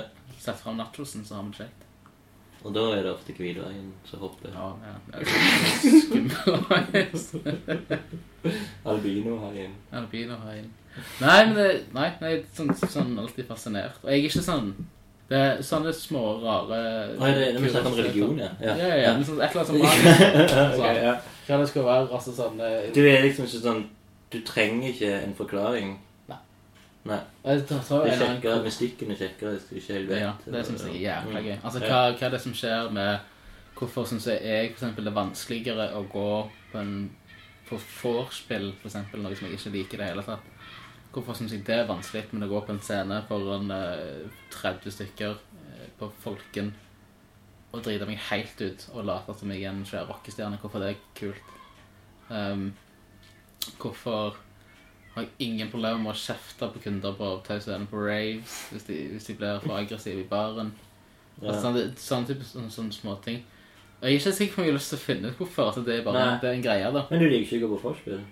Nei, jeg tror ikke jeg gjør ikke. Er det, er det Ja, nå, nå, skal jeg skal ikke liksom gå inn og analysere det, liksom. Jeg har jo en sånn greie med at eh, jeg har ingenting imot å gå på vorspiel, men jeg går ikke alene hvis jeg ikke, hvis jeg ikke bare kjenner folk litt. Mm. Jeg trenger en trygghet, liksom, som gjør at det, det kan bli kjekt uansett. Liksom, for jeg ser for meg alt det kleine, det kjedelige, det kleine, alt mulig, liksom. Ja, ja. Men så lenge jeg har en person som jeg liker å henge med, liksom, som kan liksom bekrefte hvis jeg sier noe morsomt, så jeg syns er morsomt, kan den le, slett, eh, drite i resten av rommet, liksom. Sant? Men der, der har dere et sånt fint skille, for jeg skiller jo med hvis jeg inviterer masse venner som jeg, eh, som jeg liker å henge med, eller hvis jeg går på og drikker noen øl hos en kompis som går på byen etterpå. Ja. For meg så er ikke det vorspiel. Vorspiel er jo det der som du nevnte, der kleine hvor du stikker ut en sånn leilighet Må hilse på mange. På Hillevåg, kanskje. eh, og så er det liksom sånn de her standard to chips-skålene. Mm. Folk drikker Heineken eller et eller annet sånn boksøl, mens alle jentene drikker sånn hvitvin. og Ja, ja. Det hadde mye av da jeg begynte å studere på de kollektiv på Hille, nei, på Løkkeveien. Ja. Og det, ble, det gikk liksom sånn, nesten sport i det. Altså, sånn, det var sånn, sånn Å, hvem kommer? For det var de kuleste forspillene var de hvor det var 50, 50 med de folk du kjente eller ikke kjente. Hvem kliner med hvem? Ja, Hvem blir så ja. drita at de ikke kan Mm. gå på byen? Og jeg ble liksom sånn veldig lei av det. Kanskje en grunn til at jeg ikke ble invitert på forspill heller. Sier alltid nei. Sier alltid nei. Enten det eller hvis jeg er først der, så er det sånn ah, Men du liker å sette deg i en bar først? Å ja, kjempe. Ja. kjempe. Men det er liksom sånn, her i Stavanger så det er det såpass lite at du, du kan gjøre det. Altså hvis, det, hvis jeg har en, en lørdagskveld og det ikke skjer noe, spesielt ingen konsert eller noen ting, så vet jeg at det, jeg kan gå på Martinique. Ja. Og så er det kanskje, kanskje noen i baren som jeg kjenner som jobber da. Ja. Så jeg kan sitte med de, og eller så kan det være Hvis du sitter lenger på bøker, så kommer det jo kommer det noen inn Ja. som du vekker er, og så bare skjer det. Mm. Og så blir det en jævla kul kveld ut av det. ja. Det er jævla dyrt, da, men eh, det, det blir sånn investering. Jeg har litt sånn fond hjemme. Kan jeg spare opp alle enkroninger. Nei, men ja, blitt sånn litt eh, Så jeg pusher feil side av 20-årene, så har det blitt veldig lite fest, hjemmefester. ja. Snakker fra, snakker fra byen. Nå er jo jeg på begynnelsen, eller ja, 33. Sånn begynnelsen av Det er i begynnelsen, det er rett jeg sier det. Ja. Men eh, jeg er jo som som bruker kunståpninger som forspill. Ja, ja. Det er jo eh, Og da er det jo ofte mange folk Men sånn som jeg har Studio 17, så er jo litt sånn liksom blitt mitt andre hjem, liksom. Der vet jeg hva som skal skje. Der vet jeg at det er fem folk som jeg liker, som jeg kan snakke med uansett hva, hvem som har åpning og sånn. Mm. Og det er gratis vin. Sant. Du kan ta med øl sjøl. Det er herlig. Jeg har hatt det- mange sånne andre, andre hjem-type Ja. institusjoner. ja. Eller to, da. Folken. Folken var det første. Og det var det også sånn at sånn, med, med, i den gjengen der så var det veldig mange som var frivillige der. Mm. Og det er en av de store perks at du får billig øl Mm. av det. Mm. Eh, Så da visste jeg liksom sånn at det, selv om jeg hadde, hadde 400 kroner den, den lørdagen, og da visste jeg at det, hei, det holder til holder til ti øl på Folkene. Ja. Og da møttes vi bare der når det åpna i akvariet. Klokka- 410 øl. På den tida så kosta jo øl kosta frivillige 38. Ja. Eh, så ja, 36, kanskje 35 på et tidspunkt når jeg Mm. begynte. Eh, så visste du liksom at du hadde liksom ja, ja. Og det er jo ikke Så da var det istedenfor altså, sånn, hvorfor, Vi hadde jo fester hjemme òg, selvfølgelig, men uh, da var det liksom sånn Hvorfor man kan jeg bare gå rett der? Og så sitter du, og så var det kanskje den ene, de eneste, den lille gjengen, den var den eneste som var der. Så da samles vi i hjørnet i akvariet. Og så satt du, og så kommer det jo folk etter hvert som kvelden går på. Ja. Uh, før i tid så var jo Grottene var i nattklubb før. Det var jo en veldig kul greie. Jeg tror det var sånn det begynte. Og da var det liksom ikke så mye, veldig mye vits i hvorfor sitte rundt liksom et stuebord liksom, og, og spille drikke, eller liksom drikkeleker, eller 'jeg har aldri', og, og liksom og, og kle seg Og det er jo heller bekjent eh, å kle seg opp i dress, nærmest. Og gå liksom ut. ja. Så jeg har liksom sånn veldig mange venner som gjør det ennå, og det er kjempekjekt, men da, er jo, da kjenner jeg jo de som har festen, og det blir en helt annen greie. Det ble ikke, det ble ikke et vorspiel på mange måter. Nei. Men eh, det er lenge siden jeg har vært på et forspill hvor jeg har kjent én, kanskje. Eller kjent noen, eller halvveis kjenner de som har det. Ja, ja. Kjent på den universiteten har jeg ikke gjort på mange år. Jeg har jo bodd her i fire år. Jeg tror jeg, jeg har hatt maks På forspill har jeg hatt maks fem stykker, liksom. Mm. Jeg, når jeg går ut, så har jeg vært på en kunstutstilling. Sånn, når jeg har møtt deg, så har jeg vært på en utstilling før, liksom. Mm. Men hvordan er du med går, du, jeg, jeg ser ikke deg ofte på utstillinger. Nei, jeg har vært på et par, så jeg var kjapt innom din. Ja. Uh, men det var liksom sånn, det var så veldig mange folk, og alle de jeg kjente, sto liksom sånn helt der nede. Og det var sånn sånn, ah. Så, så jeg traff deg etterpå på, på bøker, da, Ja. så jeg fikk liksom si hei, good job. Ja. Eh, men jeg syns kunst er, er, veldig, veldig kjekt. Men det er veldig mange andre former for kunst som, som jeg uh, har dypdykk i. Mm. Uh, musikk, teater. Ja. Jeg har recently fått uh, sinnssykt dele på dans. Oi. Ja. Um, det er liksom sånn apropos uh, ingenting, men kanskje litt. Eh, Lene Åresjøen og Rossavik, Marie Rossavik, ja. de hadde jo Får jeg Solaris. det ansvaret? Ja. De hadde, ja, så før det så hadde de Solaris. Ja, Det var før min tid. Da de hadde det på Vitenfabrikken. Å ja, ja, det husker jeg, ja. ja. Solaris det var teater, dans, eh, Scenekunst-ish. Ja. Ja. Mm. Og da, eh, det var første gang jeg så Lene danse. Mm. Og det gikk det liksom sånn, da gikk hele det scenekunstgreiene gikk opp for meg da. Og bare, å men, det her, er, det her kan jo være kult. Det Ja. begynte liksom sånn å føle ting, og så var det liksom sånn kaos, men jeg hadde, jeg, fant, jeg tok noe ut ifra det. Jeg kunne følge med i kaoset, Mm. og skjønne ting, og kanskje ikke nøyaktig det som, eh, det som de kunstnerne skulle gi ut da, for de har sine egne motiver med, med det de gjør, men jeg fant den greia. Ja. Og så gikk jeg på den som heter scenekunstløypa på Tau. Litt sånn tilfeldig. Sist gang jeg gjorde det. Og så så jeg en danser som heter Cecilie Kverneland. Hun var nede i Maskinhallen. Ok. Eh, Svært rom. Og så var det helt sånn mørkt. Du så ingenting når du gikk inn.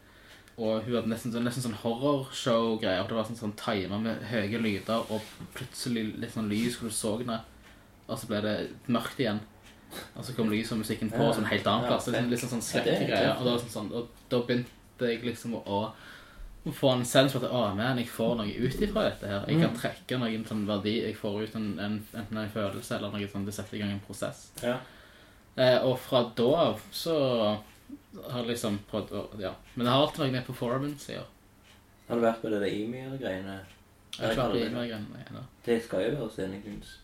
Det er scenekunst, ja. Mm. Uh, jeg har liksom ikke kommet meg ned om det. Men uh, for meg han Gustav har jo det som vi kaller for kreative.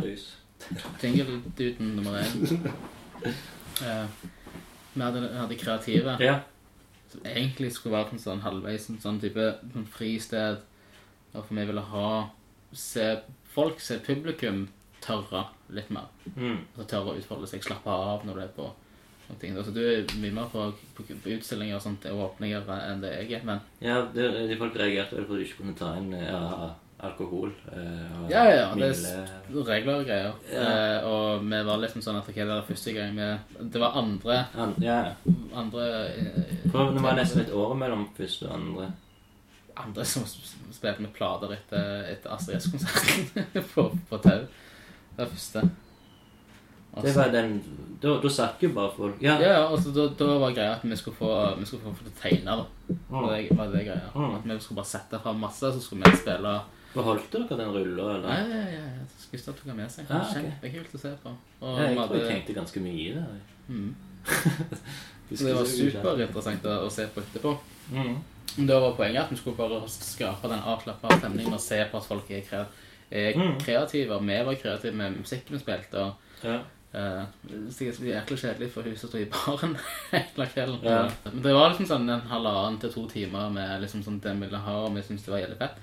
Mm. Og så begynte jeg jo på, på dramaløpet og liksom fikk på en måte en slags utdannelse. da. Det er jo ikke en ferdig utdannelse, men Nei, nei, men vi et, begynte å studere liksom scenekunst. ja, og, og innblikk i det. og- fikk innblikk i uttrykksmåter og, eh, og fikk liksom satt knagger på ting og vite. eh, Spesielt eh, om, om dramaturgi Mm. eh, og, og eh, noe som jeg er veldig, veldig glad i.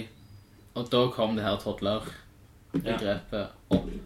Og vi, vi skulle liksom prøve å få folk til å være så lik som barn som mulig. Mm. Eh, Martin Buber, en eh, kul filosof, hadde der eh, konseptet om jeg-du. Når, når du er kid. Martin Martin Buber. Buber. Ja.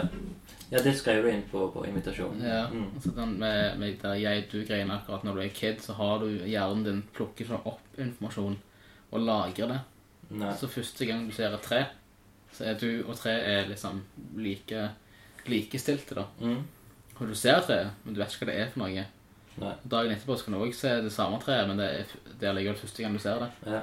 Og det er litt sånn som jeg òg har tenkt på, med at eh, veldig mange, kanskje spesielt i Stavanger, som ikke går på konserter med mindre de vet hva bandet spiller, de har hørt sangene Mm. før. Og det er liksom en cutter for folk at jeg går ikke Mm. på konsert med uten å ha hørt det. Det syns jeg kanskje er noe av det mest spennende. Ja. gjøre. Eh, Å bare dukke opp, eller å, å, å, jobbe på Det spørs jo litt eh, på hvor det er, og om det koster penger. Ja, det gjør det jo. Så, men eh, ja, hvis du ikke er veldig interessert i musikk, så går du kanskje ikke på en konsert uten å vite hva det er.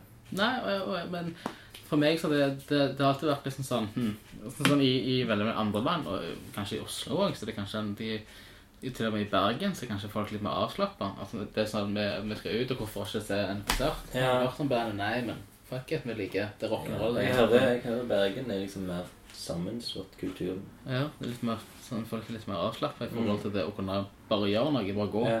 og så heller bli skuffa. Og så heller bare ah. Men det er ikke det verste i verden å betale 100 kroner, og så ser du et band som er sånn Nei, det er drit. Men da har du i hvert fall hatt en opplevelse. Mm. Du har hatt en, og du har, du har sett folk gjøre noe på en scene som kanskje irriterer deg, eller kanskje bare sånn ah, Og så det har du en greie i hodet ditt som yeah. du må Hvorfor irriterer deg, da? Yeah. Hva er det som de gjør som var feil i forhold? Var det feil type musikk? Gjorde det feil? Var det Og det, det var jækla kult. Og så når vi klarte å knytte det opp mot Martin Buber, at vi skulle skape noe Ja. Og da utfordrer vi jo André Andrea Aasmo. Du har sikkert hatt hun her òg. Jeg har ikke hatt henne i podkasten. Eh, nei Jeg, Jeg har hatt Olga Nikolova. Ja. Hun, og vi snakket faktisk om det kreative. Ja, ja. Om den kvelden. Så, så det er blitt nevnt før i Lunken kaffe. Akkurat den kvelden. da. Mm. For det hele poenget var Bare positivt. Nice. Ja, jeg syns det var dødskult. Jeg er fan, liksom. Det, det var liksom en greie at eh, ingen skulle vite noe. Vi skulle heller ikke vite noe. Jeg, vi visste bare hva elementer vi skulle ha med, og jeg ville ha med, ville ha med Mm. Og det var du og Gustav Ja. Jørgensen. Mm. Sånn egentlig heter det. Sånn egentlig heter. Men eh, kall han gjerne for jingle ut nummer én. Jingle Shingelbrus, kaller jeg det. Klinker med hver gang kaffen er lunken. Ja, nei jeg, jeg, Ja. Skål. Skål. Nei, men, og det var liksom sånn, og det var også litt sånn nervøst. For at vi fikk lov til å gjøre det på tau. Ja. Og det kom jo med sin, i sitt egen type press med liksom, at du må kunne opprettholde eh, visse sånn ordensregler eh, Mm. for å vise da, at eh, hei, vi, vi tar det seriøst. Vi, vi inviterer ikke egentlig til, til en privat fest. Nei. Og, og jeg, jeg, kanskje, jeg er jo litt eldre enn Gustav, så jeg var veldig på liksom, vi, vi gjør det kreative som er i fokus her, og så kommer vi drikke etterpå. Altså, sånn, Ja. Eh, Så jeg var ganske nazi på, på å opprettholde de reglene som jeg hadde fått da fra Tau. Men jeg visste at eh, vi, vi skulle ha med maling, vi skulle ha med dans, og vi skulle gjøre noe musikk, og så skulle vi tilbake igjen til malingen etterpå. Og musikken, vi hadde ingen peiling. Vi hadde gjort noe på forhånd, Mm. og dagen før så skulle vi ha noen sånne lydprøver, og så fant vi på noe helt annet. ja. Men vi skrev ingenting ned, så det ble liksom improvisert fram. Jeg tror jeg var jo innom studioet til Gustav Ja, du, samme uke, tror jeg. du skulle levere noen filer, eller du skulle få noen Ja. filer. Og, og da husker jeg du dere holdt litt på og var ennå usikre. Jeg Og, hadde ikke peiling med. Nei. på hva vi skulle gjøre. Og det var liksom sånn, det var litt gøy, for jeg tror med en, av de, en del av den debatten der var jo liksom at det, det er jo s- vanvittig vanskelig å kunne male på sparket. Mm. Eh, og at eh, er, det, er det unfair i forhold til dans som er koreografert?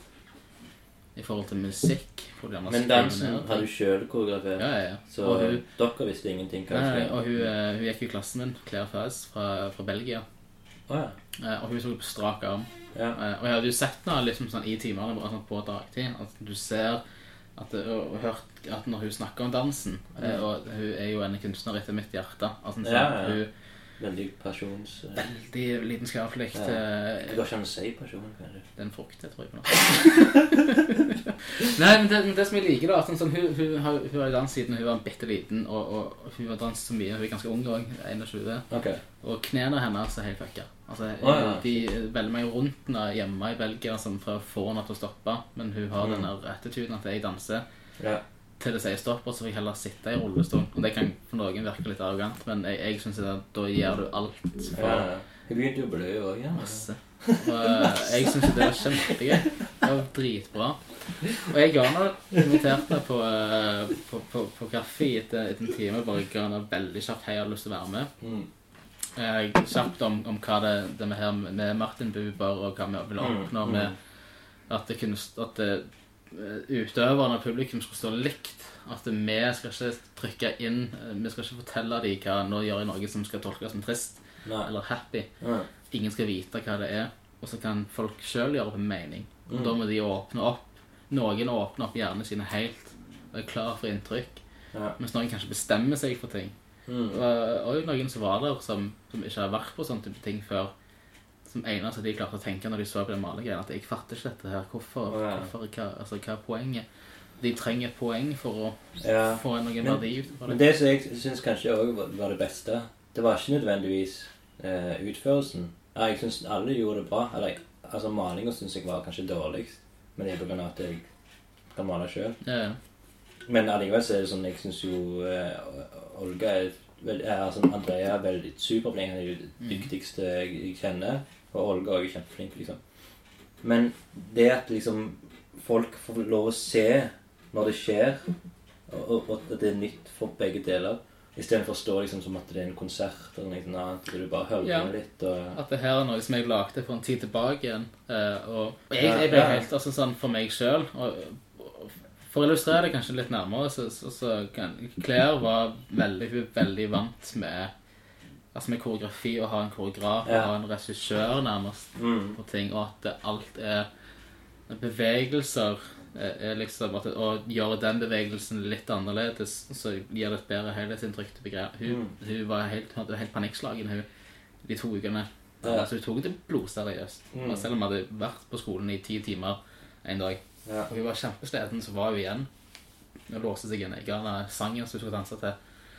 Hun var igjen. Måtte lage det sjøl. Mm. Og når det kom til den uka vi skulle gjøre det, så var jeg på vi på onsdag, og på mandagen så var jeg bort Kan du komme og se på? Vær så snill, jeg trenger Jeg vil ha noen point. ja. Og jeg sa sorry. Jeg, Ja. jeg vil ha den samme opplevelsen. Altså sånn, Jeg er ikke noen koreograf. Jeg kan ingenting om Nei. dans som et sånn kunstnerisk uttrykk. Jeg liker godt å se på det. Jeg, Ja. Det gjør meg noe. Men jeg, altså, sånn, jeg kommer bare til å ødelegge det. Og da blir det min type ehm, Det jeg mener. Ja. Og da, da Istedenfor at det blir hennes performance alene, så blir det min ja. sammen med henne. Mm. Eller kanskje bare min i det hele tatt. Og det gjorde at jeg sto bak det med det der lyset som liksom skulle illustrere at Ja. hvor det skulle skje ting Mm. hele tida, og alt annet skulle, skulle være så mørkt som overhodet mulig. ja. Og det endte jo med at jeg, at jeg ble truffen sjøl. Ja. At jeg sto liksom der og så på at alt det meg og hun hadde snakket om, som var løse referanser til ting til, til liksom det med den barnligheten Ja. Eh, og vi hadde en Gustav hadde skrevet masse sånne rare ting og hva hvis, vi, hva hvis vi, hun har bind for øynene, hva gjør det med en dans? dans? ja, ja. Og så bestemte vi oss nei, sånn, vi skal ikke gjøre at hun snubler i folk, liksom. Det blir litt for stygt. Og hun sa jo det, nei. Men hun heiv det inn. Ja. Sånn, hun tok, på et tidspunkt så tok hun genseren over hodet. Ja.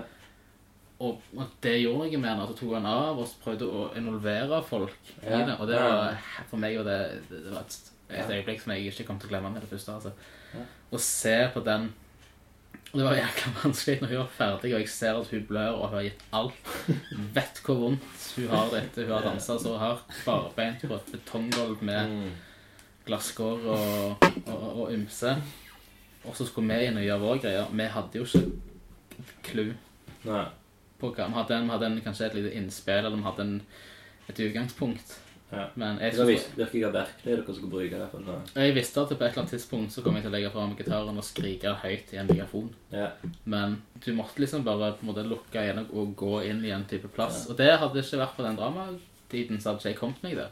Jeg hadde Nei, ikke visst sånn, at den plassen der var Jeg har opplevd å være der før, Mm. men på en helt annen måte. Altså sånn Første gang jeg spilte i Storsand med Folken, som var en big deal for meg personlig, så Ja. var du der hvor du ikke tenker. Hvor du, ikke, du, du forteller ikke fingrene dine at nå skal jeg spille den akkorden.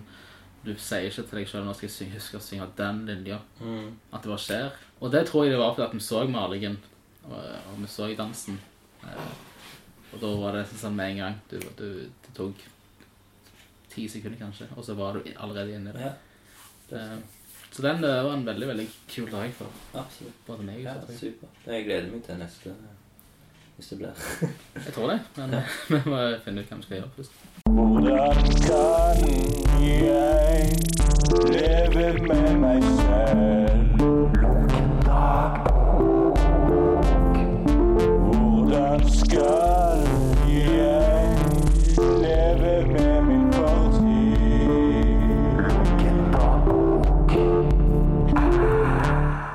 Eh, Så velger du å ha ut en av disse, så leser jeg det opp. jeg. Du leser det opp? Ja.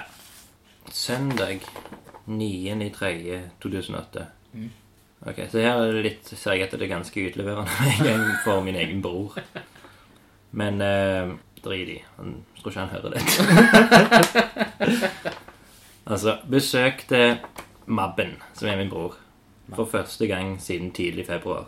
Han ba meg kjøpe en Daim iskake, og vi feiret liksom bursdagen vår med glutenfri kake. Det eneste Mabben sa, var at han kalte alle folkene inne på Ado, psykiatrisk, for homoer. Han har, skulle ta over verden med å gi våpen til sultne negere i Afrika.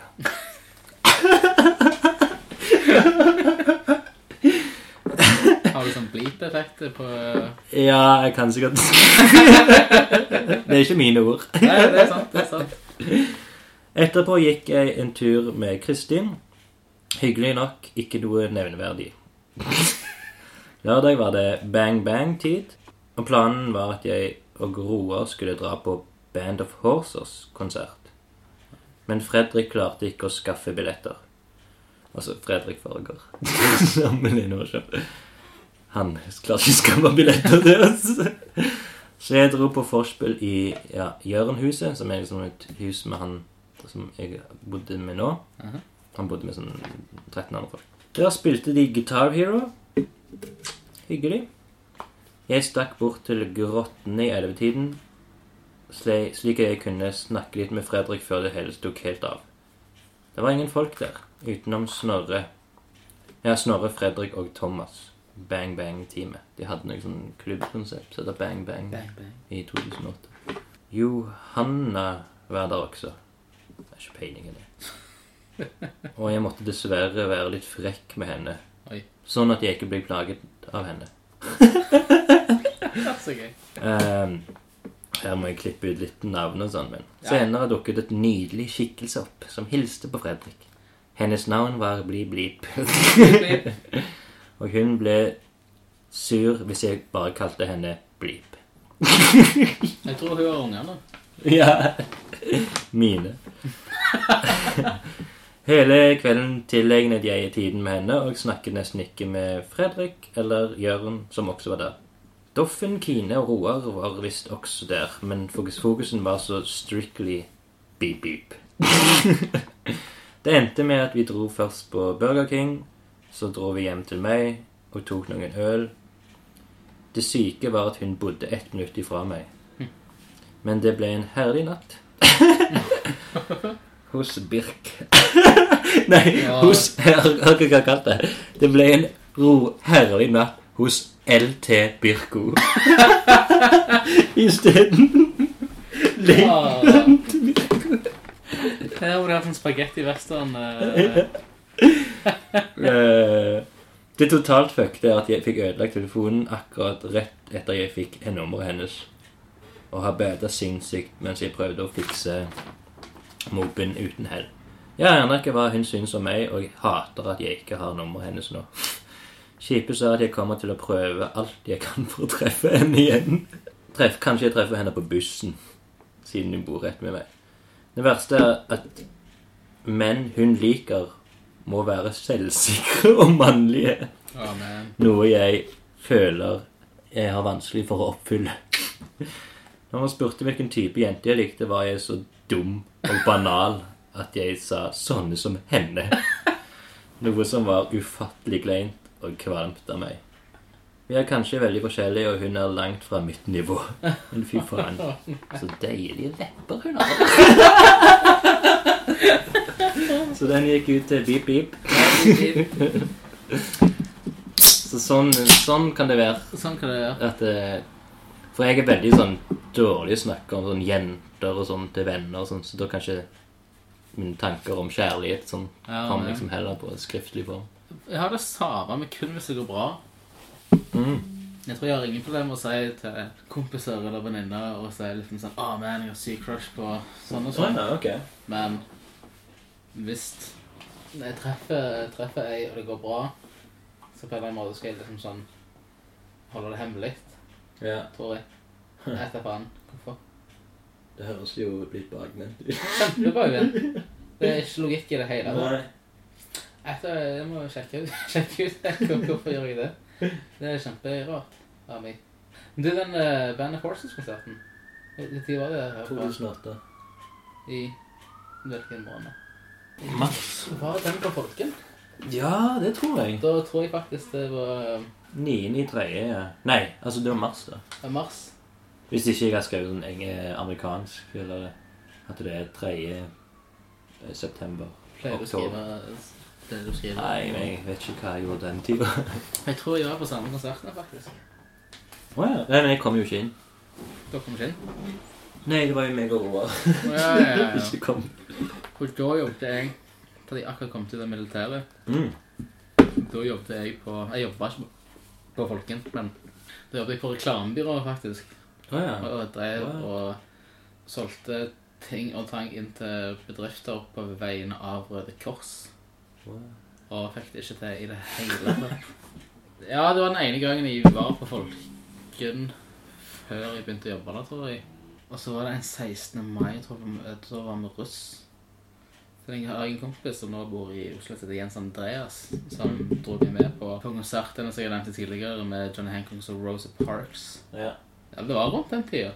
2008. Ja. Tidlig i 2008. Ja. Eller var det før det? Jeg husker ikke helt. Det var 07-08-perioden. Mm. Og det var faktisk min eh, første one night stand den kvelden. Oi, oi. Så jeg, da, da, jeg, eh, da hadde jeg allerede vært inne i uh, rock'n'roll ganske lenge. Ikke som utøver, men bare som aktiv eh, lytter. Og Ja. kunne så vidt spille gitar. Eneste jeg kunne, var at jeg hadde Jeg kjøpte en gitar da jeg var 16 på nettet. En sånn liten app som jeg ennå har, med verdens beste en. Ja. Uh, gitaren var helt cheat, da. men eh, da kunne jeg spille alle Muse-sangene Ja. på gitar. For det sånn jeg lærte å spille gitar. Ja. Lasta ned liksom tablatur. Ja. Fikk en kompis til å lære meg hvordan jeg skulle lese det. Mm. Og så øvde jeg i eh, mange timer i kjellerstua på Tasta. Og jeg visste jeg kunne spille sangen hvis jeg klarte å spille den bak hodet. Da hadde jeg liksom, Ok, nå kan jeg den sangen videre til neste. Ja, Og så sitter du og spiller. Så ja. Nei, det Testmål. det er litt sånn fortapt tid. Det var jævlig gøy. Jeg tror jeg endte opp med å studere sammen hun noen år etterpå. Og så er det superkleint. Ja, hun, hun som jeg nevner der, hun har jeg ikke sett siden, tror jeg. Mm. Det var sånn eh, eh, Jo, jeg møtte henne faktisk på bussen i sånn en påsken litt senere. Så da, da var det i mars. Og Mm. påsken var i april. Ja, slutten av mars, begynnelsen av april. Ja, så jeg kan jo se at det var en måned senere. Så, å, hei, der var du, ja. og hun var sånn tydelig ikke interessert. Jeg Hun var litt sånn eh, Litt for interessert. Jeg har Ja. gått mye i de fellene der, altså. ja. Jeg. Men, men. Mm. Det er på høy tid. Jeg må få det ut. Jeg er så rik, jeg er så god Så interessant som person. Jeg må skryte. Selvskryt. Hva er ditt forhold til selvskryting? Kanskje litt sånn stein i glasshuset, egentlig. Men uh, Nei, jeg- ikke i det hele tatt, egentlig. Sånn som jeg vokste opp, så var det med en gang du snakket positivt om deg sjøl, så ble du på en måte skutt ned det ganske Mm. heftig. Som kanskje gjorde at jeg fikk et veldig stort behov for det i etterkant. Ja. Og så skjønte, skjønte liksom at det, det er ikke en kul ting å gjøre, å liksom snakke om, om deg sjøl hele tida. I et sånn, sånn veldig positivt lys. Ja, sånn, ja. Så, så kanskje det ble litt negativt etter hvert, og jeg kunne Mm. sagt meg sjøl uh, negativt lys fram til det ikke var kult. Sexy eller tiltrekkende i det hele tatt. Yeah. Nei, men jeg, eh, jeg har vært på en sånn selvsydd turné rundt i Europa Oi. som Happy King. Spilte ti konserter i Europa. Oi, Så Hva tid da? Det var to år siden på den eh, lange, ensomme interrailen. Ah, ja. Som, eh, hvor jeg skulle finne ut av eh, ting, og hvorfor jeg gjorde disse ting. Ja. Og så endte det opp med at én konsert i Paris eh, ble ti. Eh, Så kult. I, eh, I Amsterdam ble det. Belgia Lille, Paris Det spilte jeg to.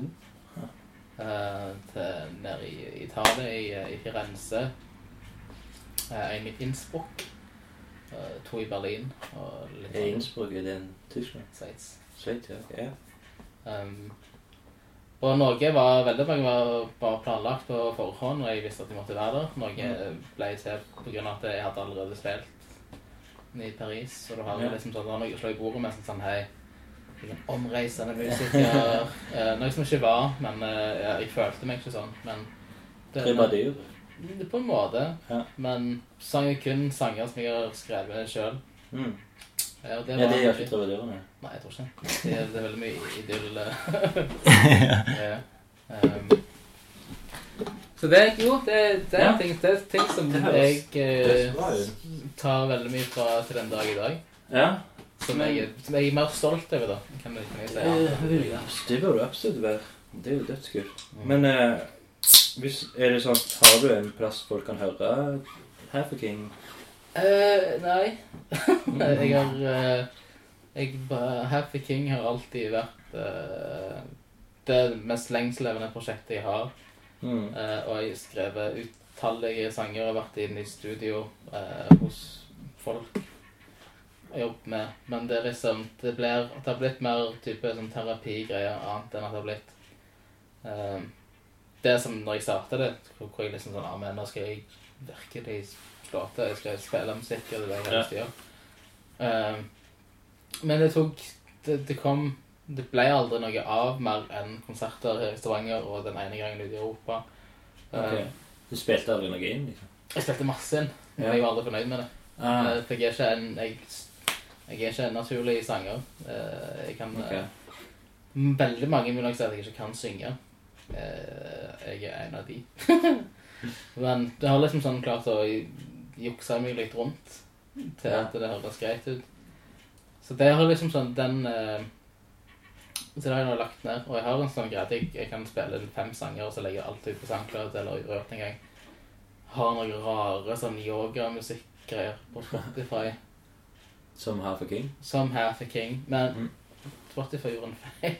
Det er et okay. tysk hardcore-band som heter Half King. Oi. Så jeg la inn min EP på Spotify som half-arking, Og så tok de vekk A-en. Nei. Så de må søke på navnet heter Lunar Solar EP. Ah, shit. Så kommer den der. Ja, ja, men da Her vet jeg. Lunar solar. Yogamusikk. Det er yogamusikk. Det spilte jeg inn rett etter den turneen, faktisk. Da okay. kom tilbake igjen. Og så hadde jeg ikke sovet skikkelig på ei uke. Og det er ganske ensomt å reise en måned alene. Ja. De første ukene var kjempegøy.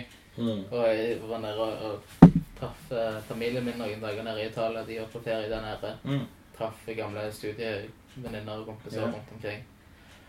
Eh, men siste uka så var jeg i Tyskland nesten hele uka. Det Ja. pissregna der.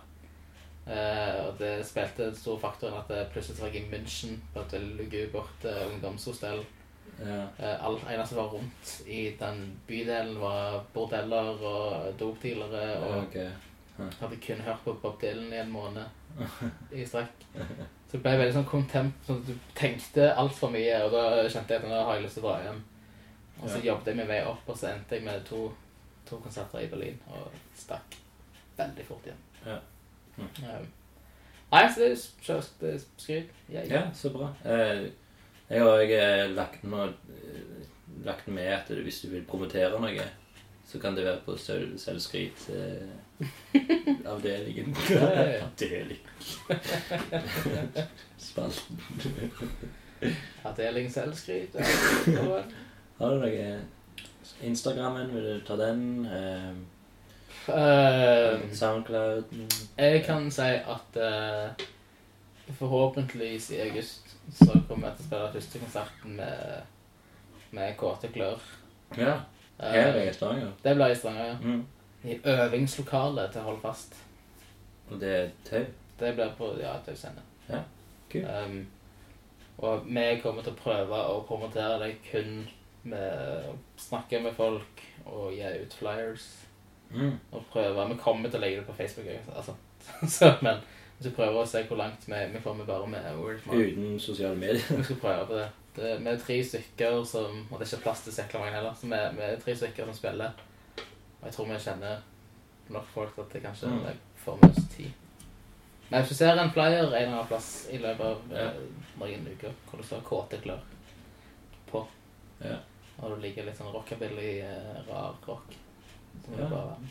Nå er det jo òg på Lunken kaffe. Eh, Nå er det på slags uh, eh, sosial media-ting. Jeg vet ikke. Kanskje? I min hjemmeside. Jeg tror, jeg tror ikke det. Podcast er sosiale medier. Jeg vet Nei. Nei. Nei. Legger, Det du, det er- du legger jo på Instagram, da, men det, det er jo sosiale medier. Ja, jo, det er Du jo. kommenterer det på sosiale medier, men det i seg sjøl er ikke sosiale medier. Nei. Det er jo mer en uh, Det er ingen som kan kommentere. Nei, jo, kanskje på Instagram. Nei, jeg vet da faen. Hvis du har kommentarer til denne episoden, skal du skrive den ned for deg sjøl. Så må du lese den høyt foran et speil. Min, min selvskryt er min Instagram. Espen understrek Birk. Nei da. Uh, nei, jeg må, jeg må jo faktisk ha det sjøl.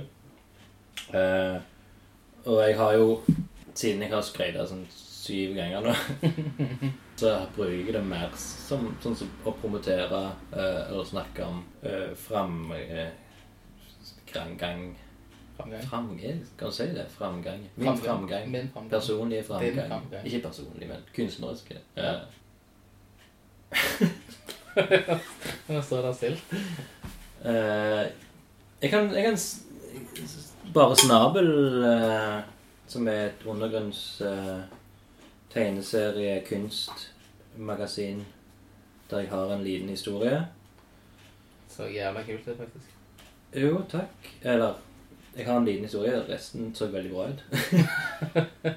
um, det, kan, det skal jo splis eh, På Outland så har de det. Ja. Uh, også på Tronsmo i, eh, i Oslo. Så er det sånn Tronsmo? Tronsmo. Tronsmo. Tronsmo. Vet du hva det er? Det er, en- det er en bokbutikk som har sånn spesialavdeling for tegneserier. Eh, Det er Helge Olav Øksendal som gir det ut. Jeg er òg med i Kaffefanzine. Kaffefanzine. Er- Nummer, er eh, nummer ti, tror jeg det. Ja. Hvor langt har de kommet nå, egentlig? Eh, nummer ti. Den kom nettopp ut. Mm. Jeg tror det er Haugesund Det er kanskje på Venilpalasset, som du jobber på Ja. av og til. de, eh, jeg vet ikke hvor ofte han er nær, eller om de sender i posten, men eh, vi har solgt eh, noen uh, eksemplarer der. altså. Der har jeg et lite intervju og en tegning. Jeg vet det, det jeg får Jo. Um, I går spilte jeg inn uh, var jeg med og spilte inn i en musikkvideo til rapperen Bevis. Amen. Hæ? Amen. Kult. Ja, han var jo Du kjenner det? Eh, Jeg har hilst på han et par ganger i sånn sånn Ja. han var med i Kriminell kunst. Ja. Nå går han mer solo. Sangen heter 'Kongen av kul'. Kongen er kul. Er det du som er kongen av kul, eller er det han som er kongen av kul? Jeg, jeg lager Jeg drar lager graffiti i bakgrunnen på sikkert to sekunder av sangen. Men jeg lager, skal lage coveret da, til, Sweet, til, til singelen. Ja, nice. Mm. Tror jeg så noe det på Instagrammen din som er Espen Jonas. Der kommer den. ja. Eh, jo, stemmer det. Nei, i går, ja. Eh, ja, og så Ja. Det, det får være min skryt i dag. Det er Faktisk trippelskryt. trippelskryt. Mm. Nei, men eh, Vi avslutter. Ja. Mm. Med lunken kaffe. Så Så sier jeg eh, takk for i dag. Takk for i dag. Det var veldig kjekt. Ja, det var veldig hyggelig, og du hadde mye bra å si. Og tror jeg har mye å si. Så det er kanskje ja, det blir noe mye bra. eh, Det er mye å klippe i. Det er det eneste som irriterer meg. Men altså var det supert å ha deg på besøk. Vi skåler med, med øl. skåler med øl. Takk for det. Og så ses vi ja, før, før jeg avslutter, hva Reiser du vekk? Det var et eller annet snakk om det. Du skal på skole, eller du eh, vurderer å gå på skole, eller du flytter Det eller er, du, akkurat nå så vet jeg ikke helt hvor jeg bor til, til høsten. Men Mm. det, det finner vi ut av veldig snart. Ja. Så hvis det Ja, men uansett så er du velkommen igjen. Takk for det. Vil veldig gjerne komme igjen. Ja, supert. Med god kveld. Kaffe.